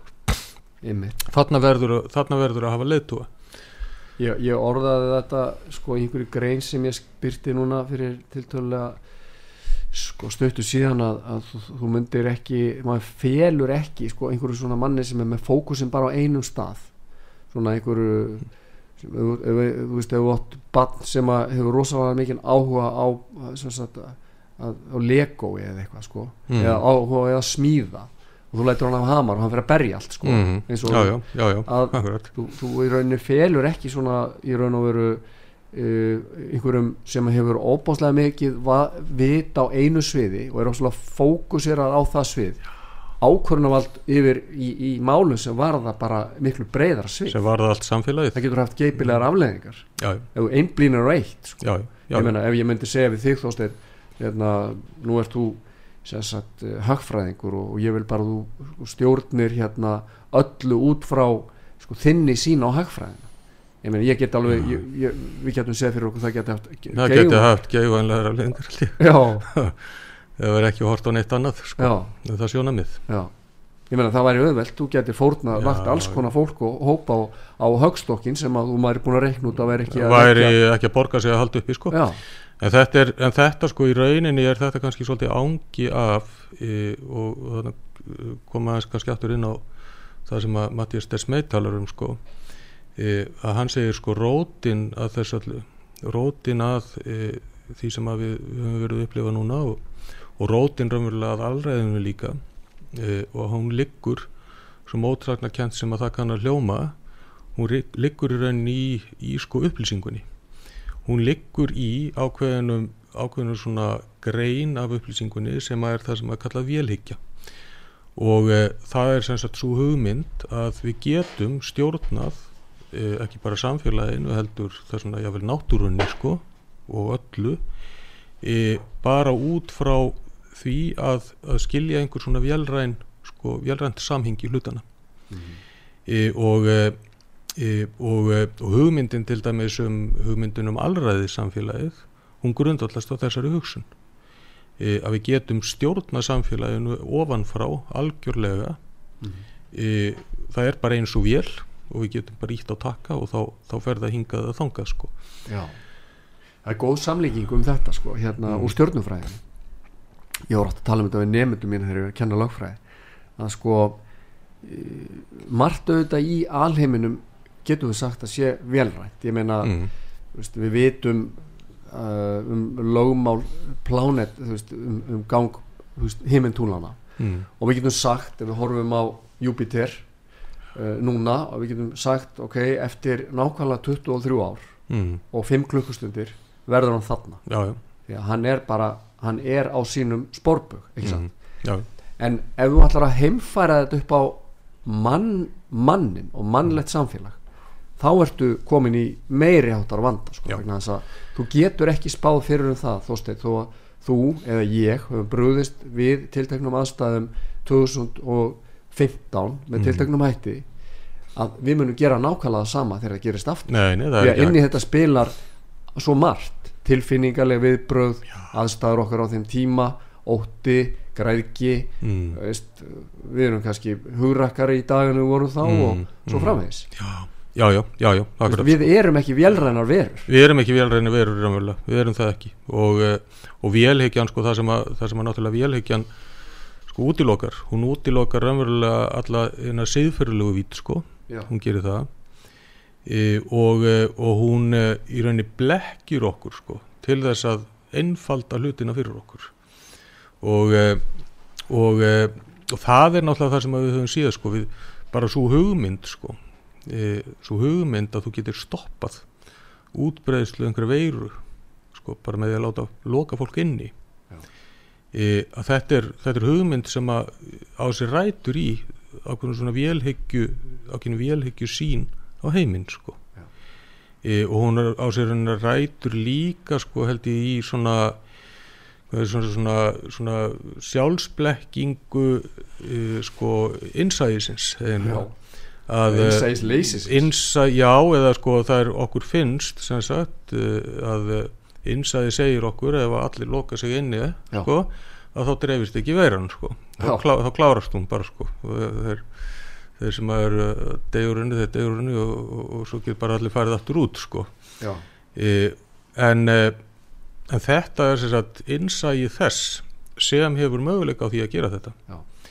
e, sko e, hérna sendillin sem að þarf að fara með matin heim til þessa manns e, eða e, eða sorptæknirinn sem að þarf að fara og sækja til hans uslið e, eða allir þeir sem þurfa að, að, að, að sjá um sko að halda samfélaginu gangandi bara yfir höfuð og geta ekki bara að loka sig inni Já, það eða- geta ekki allir loka sig inni eða bara eins og gerist í Ástralíu og náttúrulega besta dæmi að- að, það er allir komin í já. síðan allir bara voða hissa, býtu, heyrðu þarna, það er vorkvöld Mm. uh, fallegt viður, já, já, býtu, unglingarnir okkar eru bara komin á ströndina að drekka bjó já, já, og allir bara brjálaðir. Já, já, en þú veist, sá sem setur þessar reglur hefur bara engan skilning á mannlegu eðli. engan skilning á mannlegu eðli og engan skilning á því hvernig samfélagið virkar sko. Þess að samfélagið getur ekki virkað svona.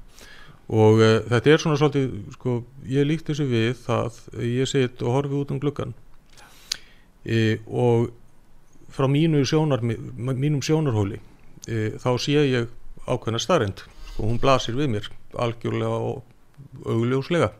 Og hún er svo í jörðinu flutt e, og, og þetta er svona blekking sem sagt e, þetta er blekking eiginlega sko skinnunar það er segja að, að það er sjónarhóllin minn sem að gera það verkum að, að ég kjænst þessari röngu niðurstöðu.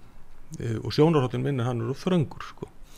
Og, og þetta er held ég svona meðal annars stór þáttur í þessu sko að hérna e, við, við sko við horfum allt of þröngt Já. á hlutina ég orðaði þetta svona í þessari grein ég er búin að finna þetta hérna ég orðaði þetta sko uh, það er glabræði að fela þráhyggjumannum verkefni sem kalla á heildarsýn og samræmingu mm. ólíkara þátta í augum slíkara mann eru öryggisvendla réttaríkisins hindrun í vegi harkalegri aðgerða eins og þeir orðaða og svo, end, svo held ég áfram að segja almenningu verður að skilja einminn þessi vendlar um jafnbræði fyrir lögunum um réttláta málsmeðferð um valdtemprun og lögstjórn en ekki gethóttustjórn eru besta vörn okkar gegn óheftri og miðstýrðri valdbeitingu. Og þú segir við getum ekki, samfélagi virkar ekki svona nema að við séum komin yfir í allræðisríki og það var auðvitað skuggalegt að horfa upp á það hvernig sko ríki sem áður hefur kent sig við frjálslind eins og Ástralía til sem Mm. dæmi í raunin tók á sig svip mót allræðisríkis Það gerði það og, og, og Kanada raunverulega var Já. komið vel á veg þarna líka sko, þetta Já. kannski varð ekki á endanum en allar forsendur eru til staðar mm -hmm. og það er kannski það sem er, sem er áhyggjöðni líka og, og það sem að síðan sko er ítir, ítir gerða verkum að maður hefur ennþá meira áhyggjur að þessu er það hvað virðist vera auðveld að hefta e, umræðu og að hefta það að, að sko sannleikurinn komi í ljós.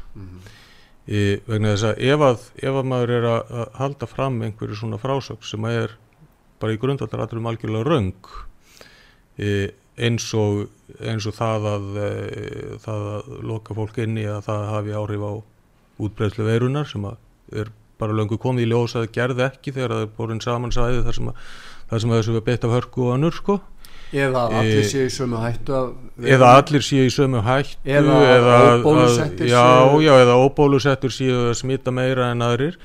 Og, og síðan sko kemur annað í ljós Já. að þá er það þakkað niður. Og ég mani þegar einmitt sko er, og, og þetta er, og náttúrulega rótin af þessu hún er líka sko það er, það er, það er siðferðilegur brestur í rauninni.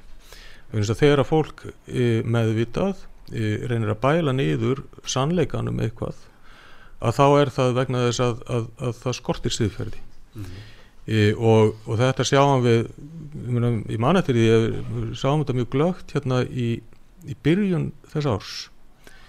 E, þá sett maður hefði náttúrulega fylgst með sko hérna ég tók svona stöðuna alltaf reglulega e, á sko á því hvernig, sagt, hvernig smitdreifingin var hérna og þannig og ég var ofta að s- skrifa svona greinar fyrir til skeptikum bara, var bara fyrir, svona fylgjast með ást, ástandinu hér og þróunni og þannig og maður var búinn að sjá sem sagt þarna alveg frá því um sumarið e, og alveg langt fyrir maður haust að, að það virtist vera sem sagt að bólöfni væri að veita svona um það byrð 30% vörð gegn smiti það var svona 30, já 30 kannski 40% eitthvað svoleiðis.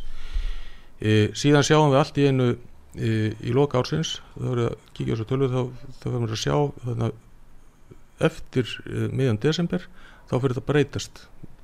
Alveg að gjör breytast e, og, e, e, og þegar komið er þarna rétt fram yfir áramót það er búið að snúast við e, og meir en það. E, þá eru sem sagt e, tvíbólusettir orðnir tvöfall líkleri til að, til að smitast heldur en óbólusettir. Og, og þeir sem hefur fengið þrjárspröytur orðnir álíka líkleri til að smitast.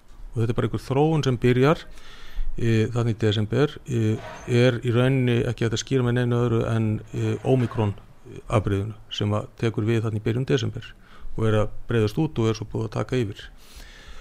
Og ég man ég mér þetta vakt, mér var þetta svo merkilegt sko ég skrifa greinum út í mokkan sko og hérna og strax sama dag þá kemur sko sótvarnalegnir og fyrir að reyna að halda fram einhverjum mjög enginlegum skýringum á þessu eins og það, það hefur verið kerfisbundið sko fjöldi óbólus þetta hefur verið kerfisbundið oftalin eða eitthvað slíkt sko. Það er auðvitað ekkert sem breytist þarna á þessum skamma tíma sko. Ef það hefur verið þá hefur það verið við alltaf tíma þannig að e, síðan örfóðum dögum setna hvað gerist þá? það var alltaf ína hægt að uppfæra tölnur mm. sko. Og hérna og þá er þess að þá eru söm, samskonar tölur farnar að koma fram til dæmis á skoskum yfirvöldum, breskum yfirvöldum og svo framvegis. Og sjá sömu þróun allstaðar en þá er hægt að uppfæra tölurnar hér e, og það er einhver vika sem líður og ég tók nú downloadaði öllum þessum gögnum sko, bara þannig að maður hefði þau áður en að þetta uh, þarna þegar þetta var og svo er opnað aftur sagt, og þá er alltaf gjör breytt allt aftur tíman sko. e, þá eru, eru smittlutfall og bólusettur allt hinn er búið að stórhækka sko. þá er ekki búið að ná hinnum alveg sko. en allt hinn er búið að stórhækka sko. og alveg ótskýrt e, og e, og hérna og ég sendi tölupóst til landlæðinsembætisins og reyna óskætti skýringum á þessu. Hvað hefði gerst, var eitthvað var einhver villa í fyrirgögnum eða, eða hvað breyttist sko? Fekk engar skýringar mjög skrítið. En sem sagt þarna sko það er einhver óþægileg staðrind sem kemur fram. Mm -hmm. veit ekki. Við ræðum, ræðum þetta aðeins nánar og eftir og það er kannski ágætt ef við tökum eitt hluti viðbót og þá klárum við hérna að ræða um þessi blessuðu bóluefni og, uh, og svona árangurinn eða áhrifin af þeim og um, hvernig þetta lítur út allavega núna og gerum þá hlýja núna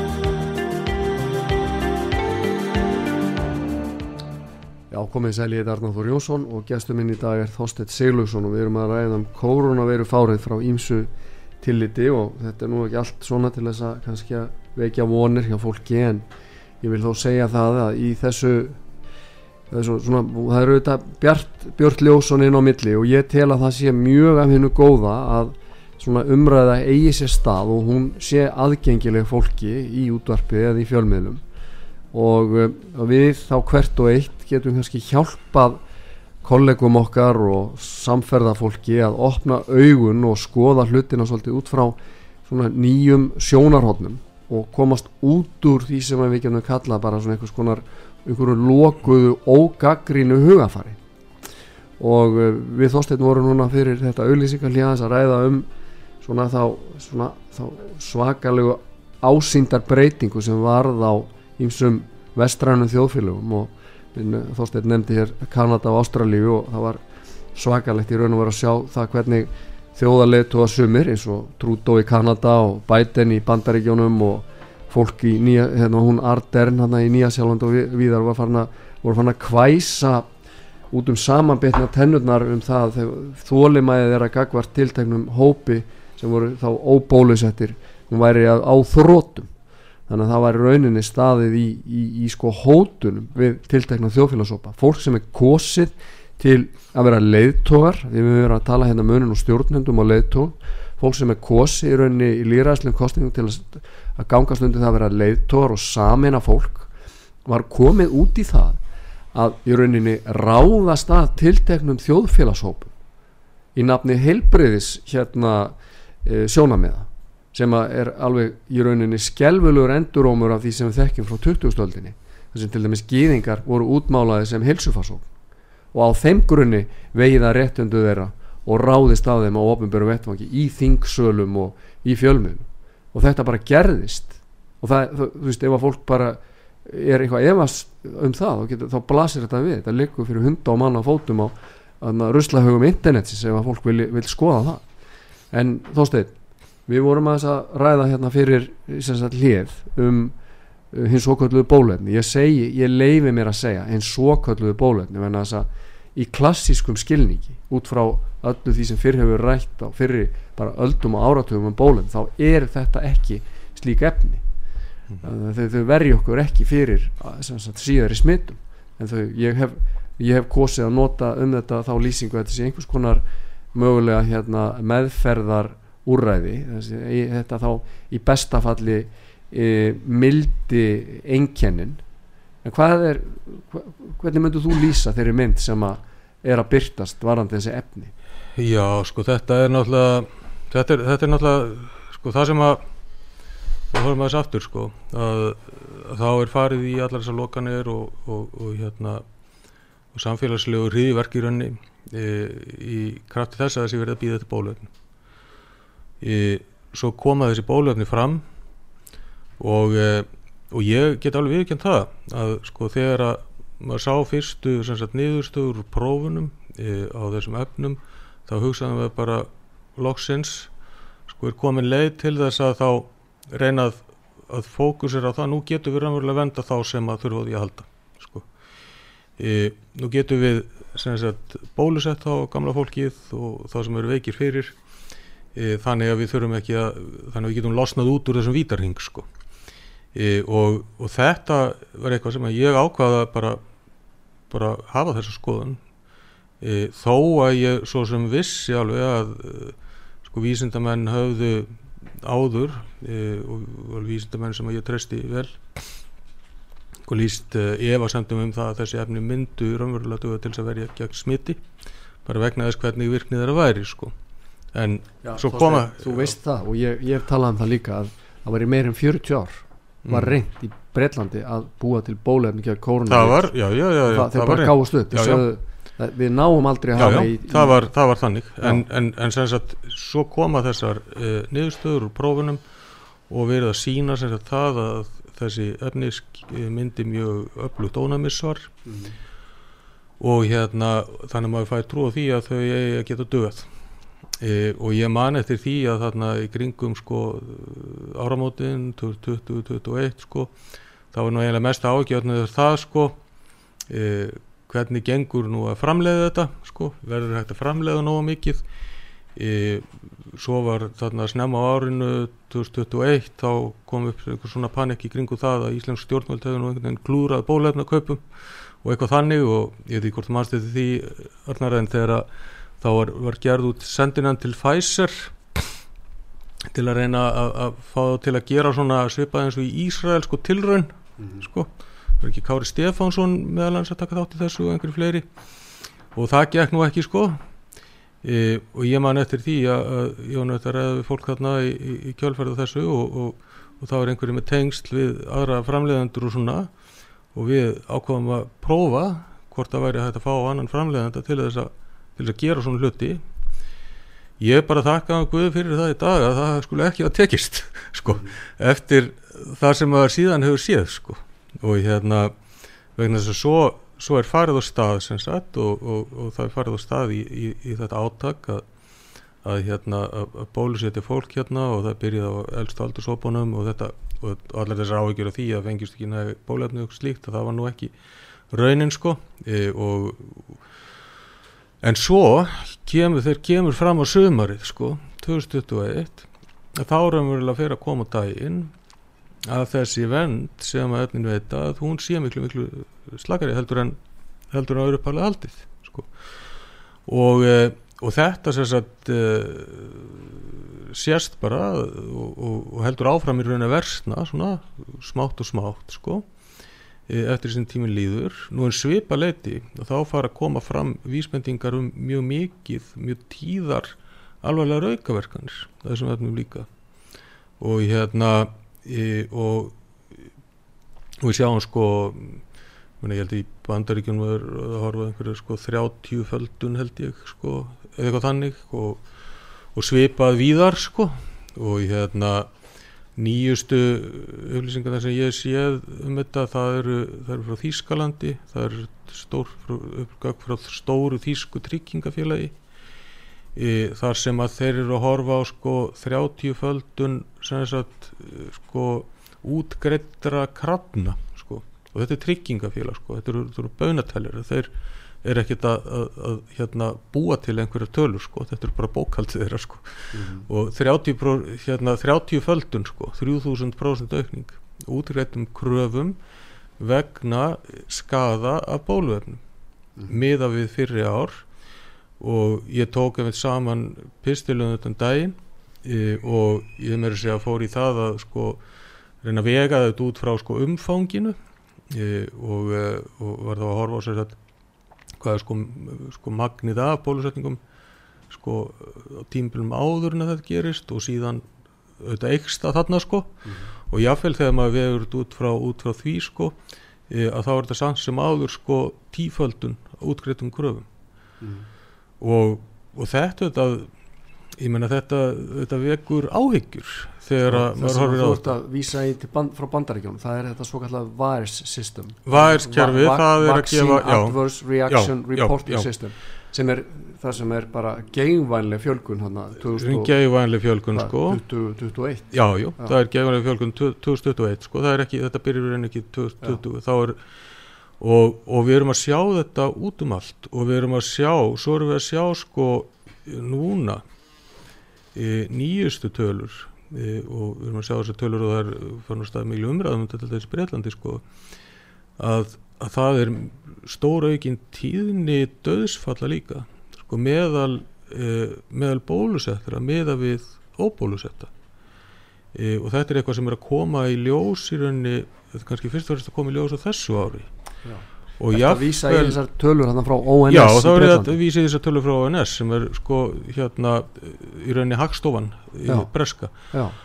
og þar sem að sko aldurs leiðréttar tölur, þar sem það er búið leiðréttar fyrir aukinni dánatíðinni aldrar á slíkt sko, að, að þær er að sína sko e, sko dánartíðinina eftir eftir sko hjá þeim bólusettu stóraukast Í, og raunar höfum við sín sko að jáfnveil þessum að því fleiri sko skamtasöðu fengið því, því meiri er þessu aukning virðist vera.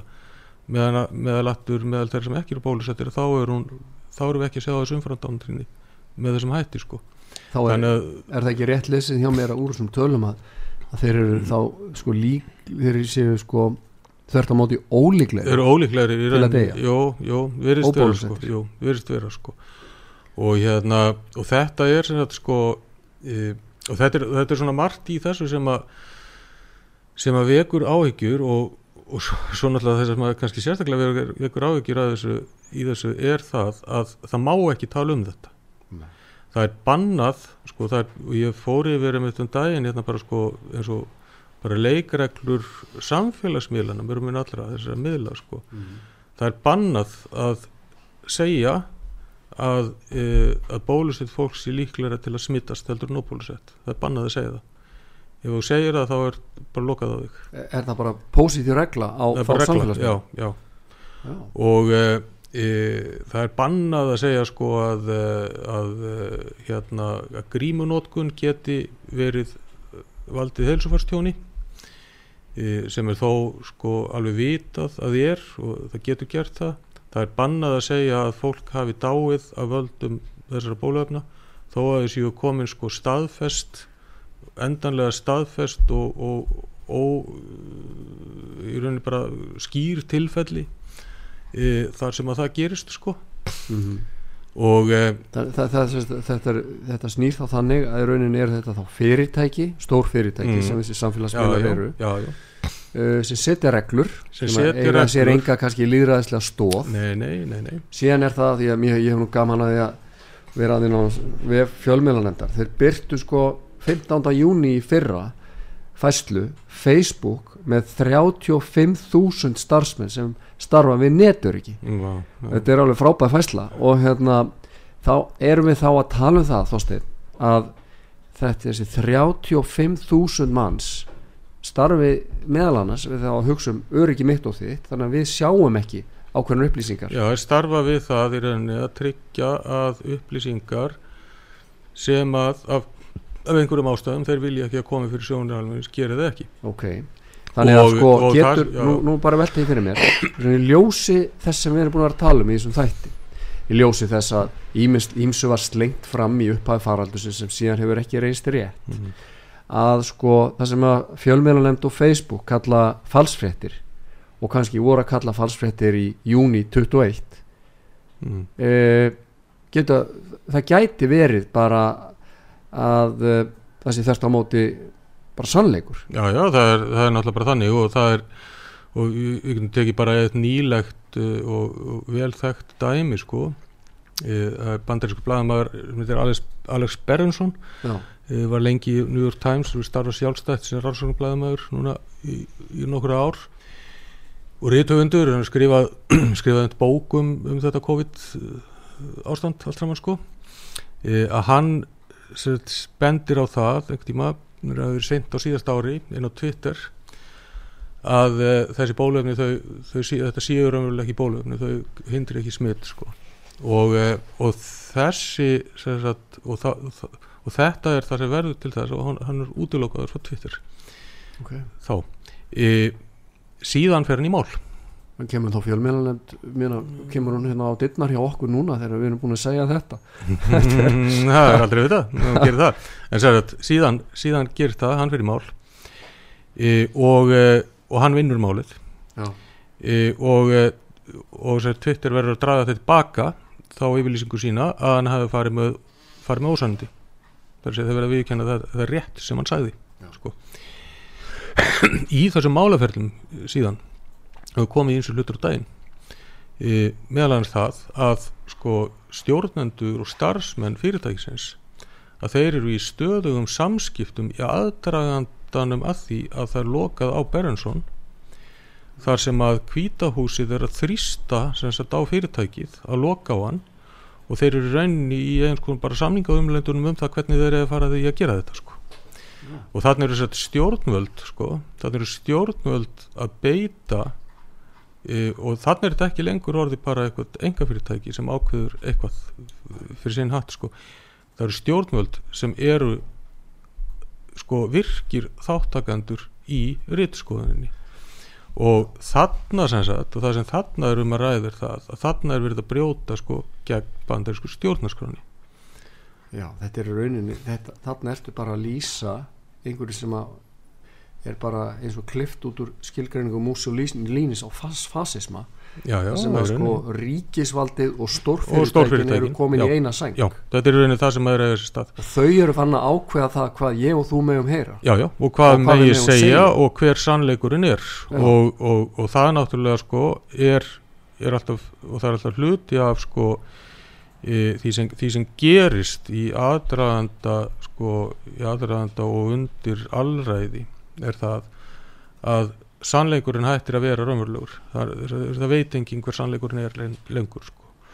e, og í þessu tilfelli, ég meina það sem að Berensson bendir á þarna e, þarna á síðast ári sko varðandi þessi efni, það er náttúrulega bara byggt á gögnum, Mhm. hann sér bara hvernig hlutinir eru og hann bendir á það og það er satt. Og það er alveg satt, en það er bannað að segja það. Það er skilgreint sem ósanindi af stjórnvöldum og af, af, af stórfyrirtækjum og, og svo og, uh, og svo horfum við á sko, og þetta er það sem að gera þetta svo hættulegt vegna þess að, að sko e, síðan eru sko síðan horfum við á ákveðna hluti eða sér stað e, og ég held að það sé nokkurn veginn að, að, að verða ljóst og, og óumdeilanlegt að, að, að það er það sem að hefur á sér stað. E, að sko þegar þú ert með þetta sem að við getum kallað þetta eru leg bóluefni það er líki vassín það er bóluefni sem hindrar en ekki dreifingu sko. Og e, það sem gerist síðan er það að sko og við sjáum eins og við sáum til dæmis hér á Íslandi sko þarna í byrjun ársins þá eru er tvöfalt fleiri bólusettir að smittast heldur en óbólusettir. Hvað er það sem veldur þessu? E, það er það að eftir því sem að svona e, farsótt sko lifir lengur og hún lifir náttúrulega mjög, lengur en hún hefði kannski gert vegna þess að það var verið að reyna svo mikið að halda henni skefjum sko, tefja. En eftir því sem hún lifir lengur þá komur fram fleiri og fleiri ný afbríði og það sem að síðan gerist er það e, að er að sko e, þú, fólk nær ónæmi e, gagvart upphálega afbríðinu bóluefnin eru öll þau miðast við upphálega afbríðið sko. síðan eru komin nokkur sko.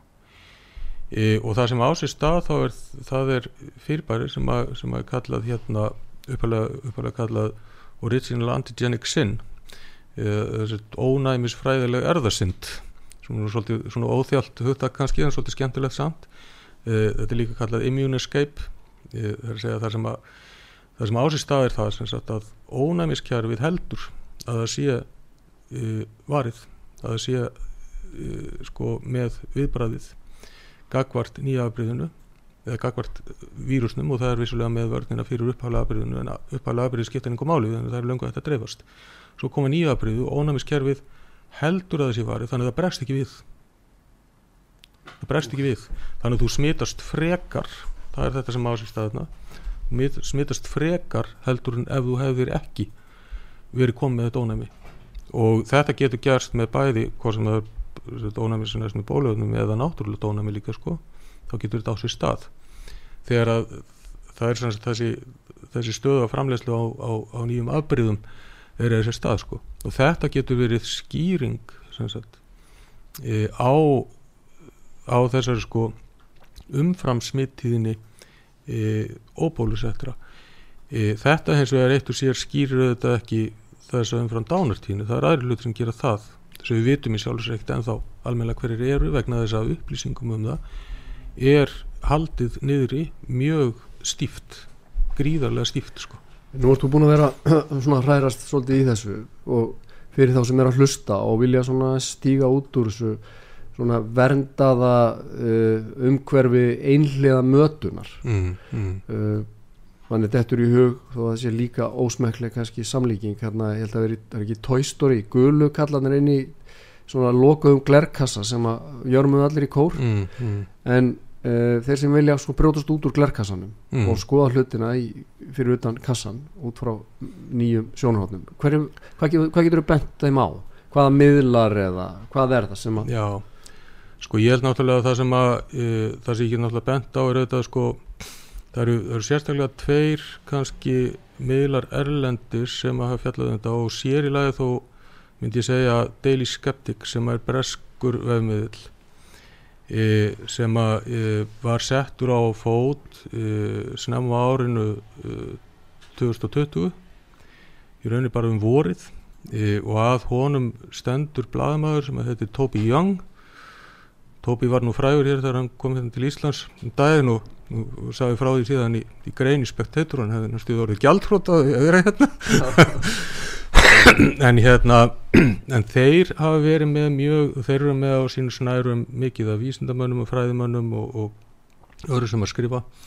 Og þeir flytja sér satt nýjustu fréttir e, af af þessu öllu saman sko á hverjum einstu degi og eru með mjög góðan fréttaflutning og, og hérna og mjög góðar greinar og, og, og mikil tengsl sagt, við vísindaheimin sko. Þó þú segir sjálfur frá. Þó ég segir sjálfur frá, ég er náttúrulega búin að skrifa fyrir Daily Skeptic sko, núna í að verða ár held ég eða eitthvað sko. Okay. Byrjaði svo... á því að skrifa um brástandi hér á Íslandi og svo hefur verið að taka svona fleiri og fleiri. Í, Síðan er Brownstone Institute í Bandaríkjónum sem er, er það er meira svona kannski filosófisk sko, umfjöldun þar e, og meira tengist meira inn á líka stjórnmál og og heimsbyggi og slíkt sko mm -hmm. Nú svo er náttúrulega hérna er svona uh, miðil hér á Íslandi sem að er, uh, er bara svona Facebook-grúpa sem að við, við settum þegar ég var nú að berjast í þessu þannig að það er um hausti 2020 og við vorum í þessu, ég og Sigriður Andersson og, og Jóni var Einarsson læknir og vorum að taka viðtöl, við tókum viðtal meðal annars við, við Martin Kuldorf, faraldursfræðing, hérna allsbreytunum á bak við Greit Barrington í viljusinguna og fleiri heimsbygginga, sálfræðinga og svo framvegis. Og hérna við settum ás á fót svona bara Facebook grúpu sko sem heitir Hildarmyndin og það er opin, hópur og það, þar kemur mjög heilmikið að gaglegu efni inn sko. E, þannig að fólk getur líka fylst með því sko. E, þannig að nú svo þetta að hlusta því að út var sögu. Já, en hvað með, hvað með þarna þú nefndir Conservative Woman, er það ekki? Conservative Woman líka, jú. Það er, það er, það, það hefur verið mjög, mjög, mjög góðu fréttaflutningur að þessu þar líka, Já, Conservative Woman. Já, og svo náttúrulega fleiri Epoch Times líka sem að er bandarísk já, bandarískt blað uh, sem, að, sem að flytur. Sko auðvitað er þetta þannig að náttúrulega í þessu öllu að, að það er náttúrulega það, það er náttúrulega alltaf að gæti sinna að því sko hvað maður les og, og hvernig maður tólkar það og svo framvegis. Já, og uh, það, sem að, það sem að ég hef náttúrulega gert mikið sko er, maður er bara að lesa líka vísindagreinar sko, já, en það eru þetta ekki kannski allir sem að nenna að vera að lesa vísindagreinar sko, mikið Nei. það er náttúrulega bæði tímafrekt og, og, og hérna og þannig. Akkurat. Ég vil reynda kannski skjóta einu inn í sem að kannski við viljum ekki vera alveg ógæslega leiðilegir en sko morgunblæðið hefur hleyft að greinum Já, Morgunblæðið hefur gert það, sko já, með gaggrinum Já, já, já. sjónar miðum og algjörlega, það er algjörlega. sjálfur sér þakkarverð Já, það er mjög þakkarvert sko. Þeir hafa Eh. gert það og þeir hafa þess að flutt fréttir sko sem að e, af einhverju sem að kannski engir aðlir miðlar hafa, hafa Já. gert sko eins og rannsóknir sem var gerð hér um daginn Já, e, þar sem að niðurstaðan var svo að, að sko e, endursmitt já, meðal bólusettra væru 42% tíðari heldur en meðal óbólusettra e, en e, maður sér fyrir sér sko skjálfingarsvipin og greinar á, á, á höfundur rannsóknarinnar þegar þetta var fyrir að dreifast um heiminn sko. Og, og það var hvort það var bara daginn eftir eða tveimur dögum setna þá voru þau konur í viðtali mokka þess að sverja af sér þessar niðurstöður. En, en það eru þetta bara, ég menna menn alltaf þurfa, þurfa alltaf smekir sko. Já. en þeir eru að segja eitthvað sem má ekki segja. Já, þeir, þeir, þeir getur verið, verið útilokaði frá því að byrta nokk tíma vísindagrein aftur. Já, að fyrir að fara á svig við við, viðurkendu sannindi sko. Einmitt. Þannig að, að hérna Ég er þetta sko nú, nú er þetta bara við erum á svolítið viðkvæmum stað og, og það er verið sérstætt að fara í gegnum þetta ferli og eh, bæði ég og, endala þú líka sagði þér sérst, ábyrðar sína litla ábyrð með að vera gaggrina sko Mm. sóttvarnar teimið og svona þegar það þurfi samstöð og svona en þegar maður horfi nú á myndina eins og hún blasir við núna mm, þá eru áhyggja mínar sko, þvert á móti þær að það hefði ekki verið nægileg gaggrinni og að áhrifin til lengri tíma muni reynast sko, mjög alvarleg og til veikingar fyrir ekki bara réttaríkið heldur fyrir stjórnmálaflokkana og fjölmiðlana og læknastjættina stjættina og þannig mætti lengi telja sko, því að fólk muni fyrr en síðar vakna upp við þann vonda draum að þessi aðila sem er höfðurunni lagt allt tröst á Mhm. að við brúðist þessu trösti ég held að geta orðið mjög mikið samfélagsrætt umrót og uh, við sjáum náttúrulega við sjáum náttúrulega sko í bara efnags ástand eins og það er að þróst mm -hmm. Í, þar sem að sko í, við erum að sjá náttúrulega sko verðbólgu sem er, er, komin upp til 20% á Breitlandi núna held ég. Í, við erum að sjá, við munum sjá náttúrulega sko við erum að sjá versnandi lífskjör fólks um allan heim. Við erum eftir að sjá eh, án nokkuð svafa held ég sko stóraukna stór, aukningu atvinnuleysis. Í, og þetta er, þetta, er- þetta er að byrja að gerast sko. Ég held að sko yfirleitt eh, sko er þannig með svona að, að það sem þarf til þess að fólk átti sig á hlutunum er það það gerir það ekki fyrir en það fyrir að finna það einn skinni og það er þessi hrættur um að fara að gerast. Og, eh, og, eh, og því stórtækari sem stjórnveld hafi verið í því að halda fram ósanindum og halda niðri e, e, sko aðgangi að upplýsingum og slíkt og, og blekja fólk að því alvarlega verður umrótið Mhm. Já. Við skulum vona það besta og ég ítreka það ég tel að það sé mikil von í því að, að, að fólk geti komið saman og rætt málinn og, og hvart hvert annað til að horfa gaggrinum augum á það sem er að gerast og beita sinni gaggrinu hugsun.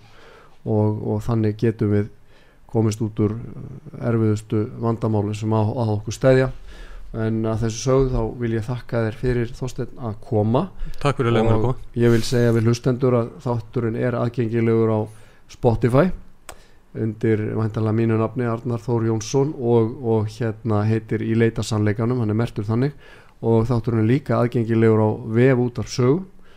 Og uh, ég hvet alla til að hlusta og ég hvet raunar í ljósi mikilvægis þess sem við þóstum hefur að ræða alla til að deila þessari umræðu til þeirra sem þeir telja að geti mögulega haft vott af opnum huga.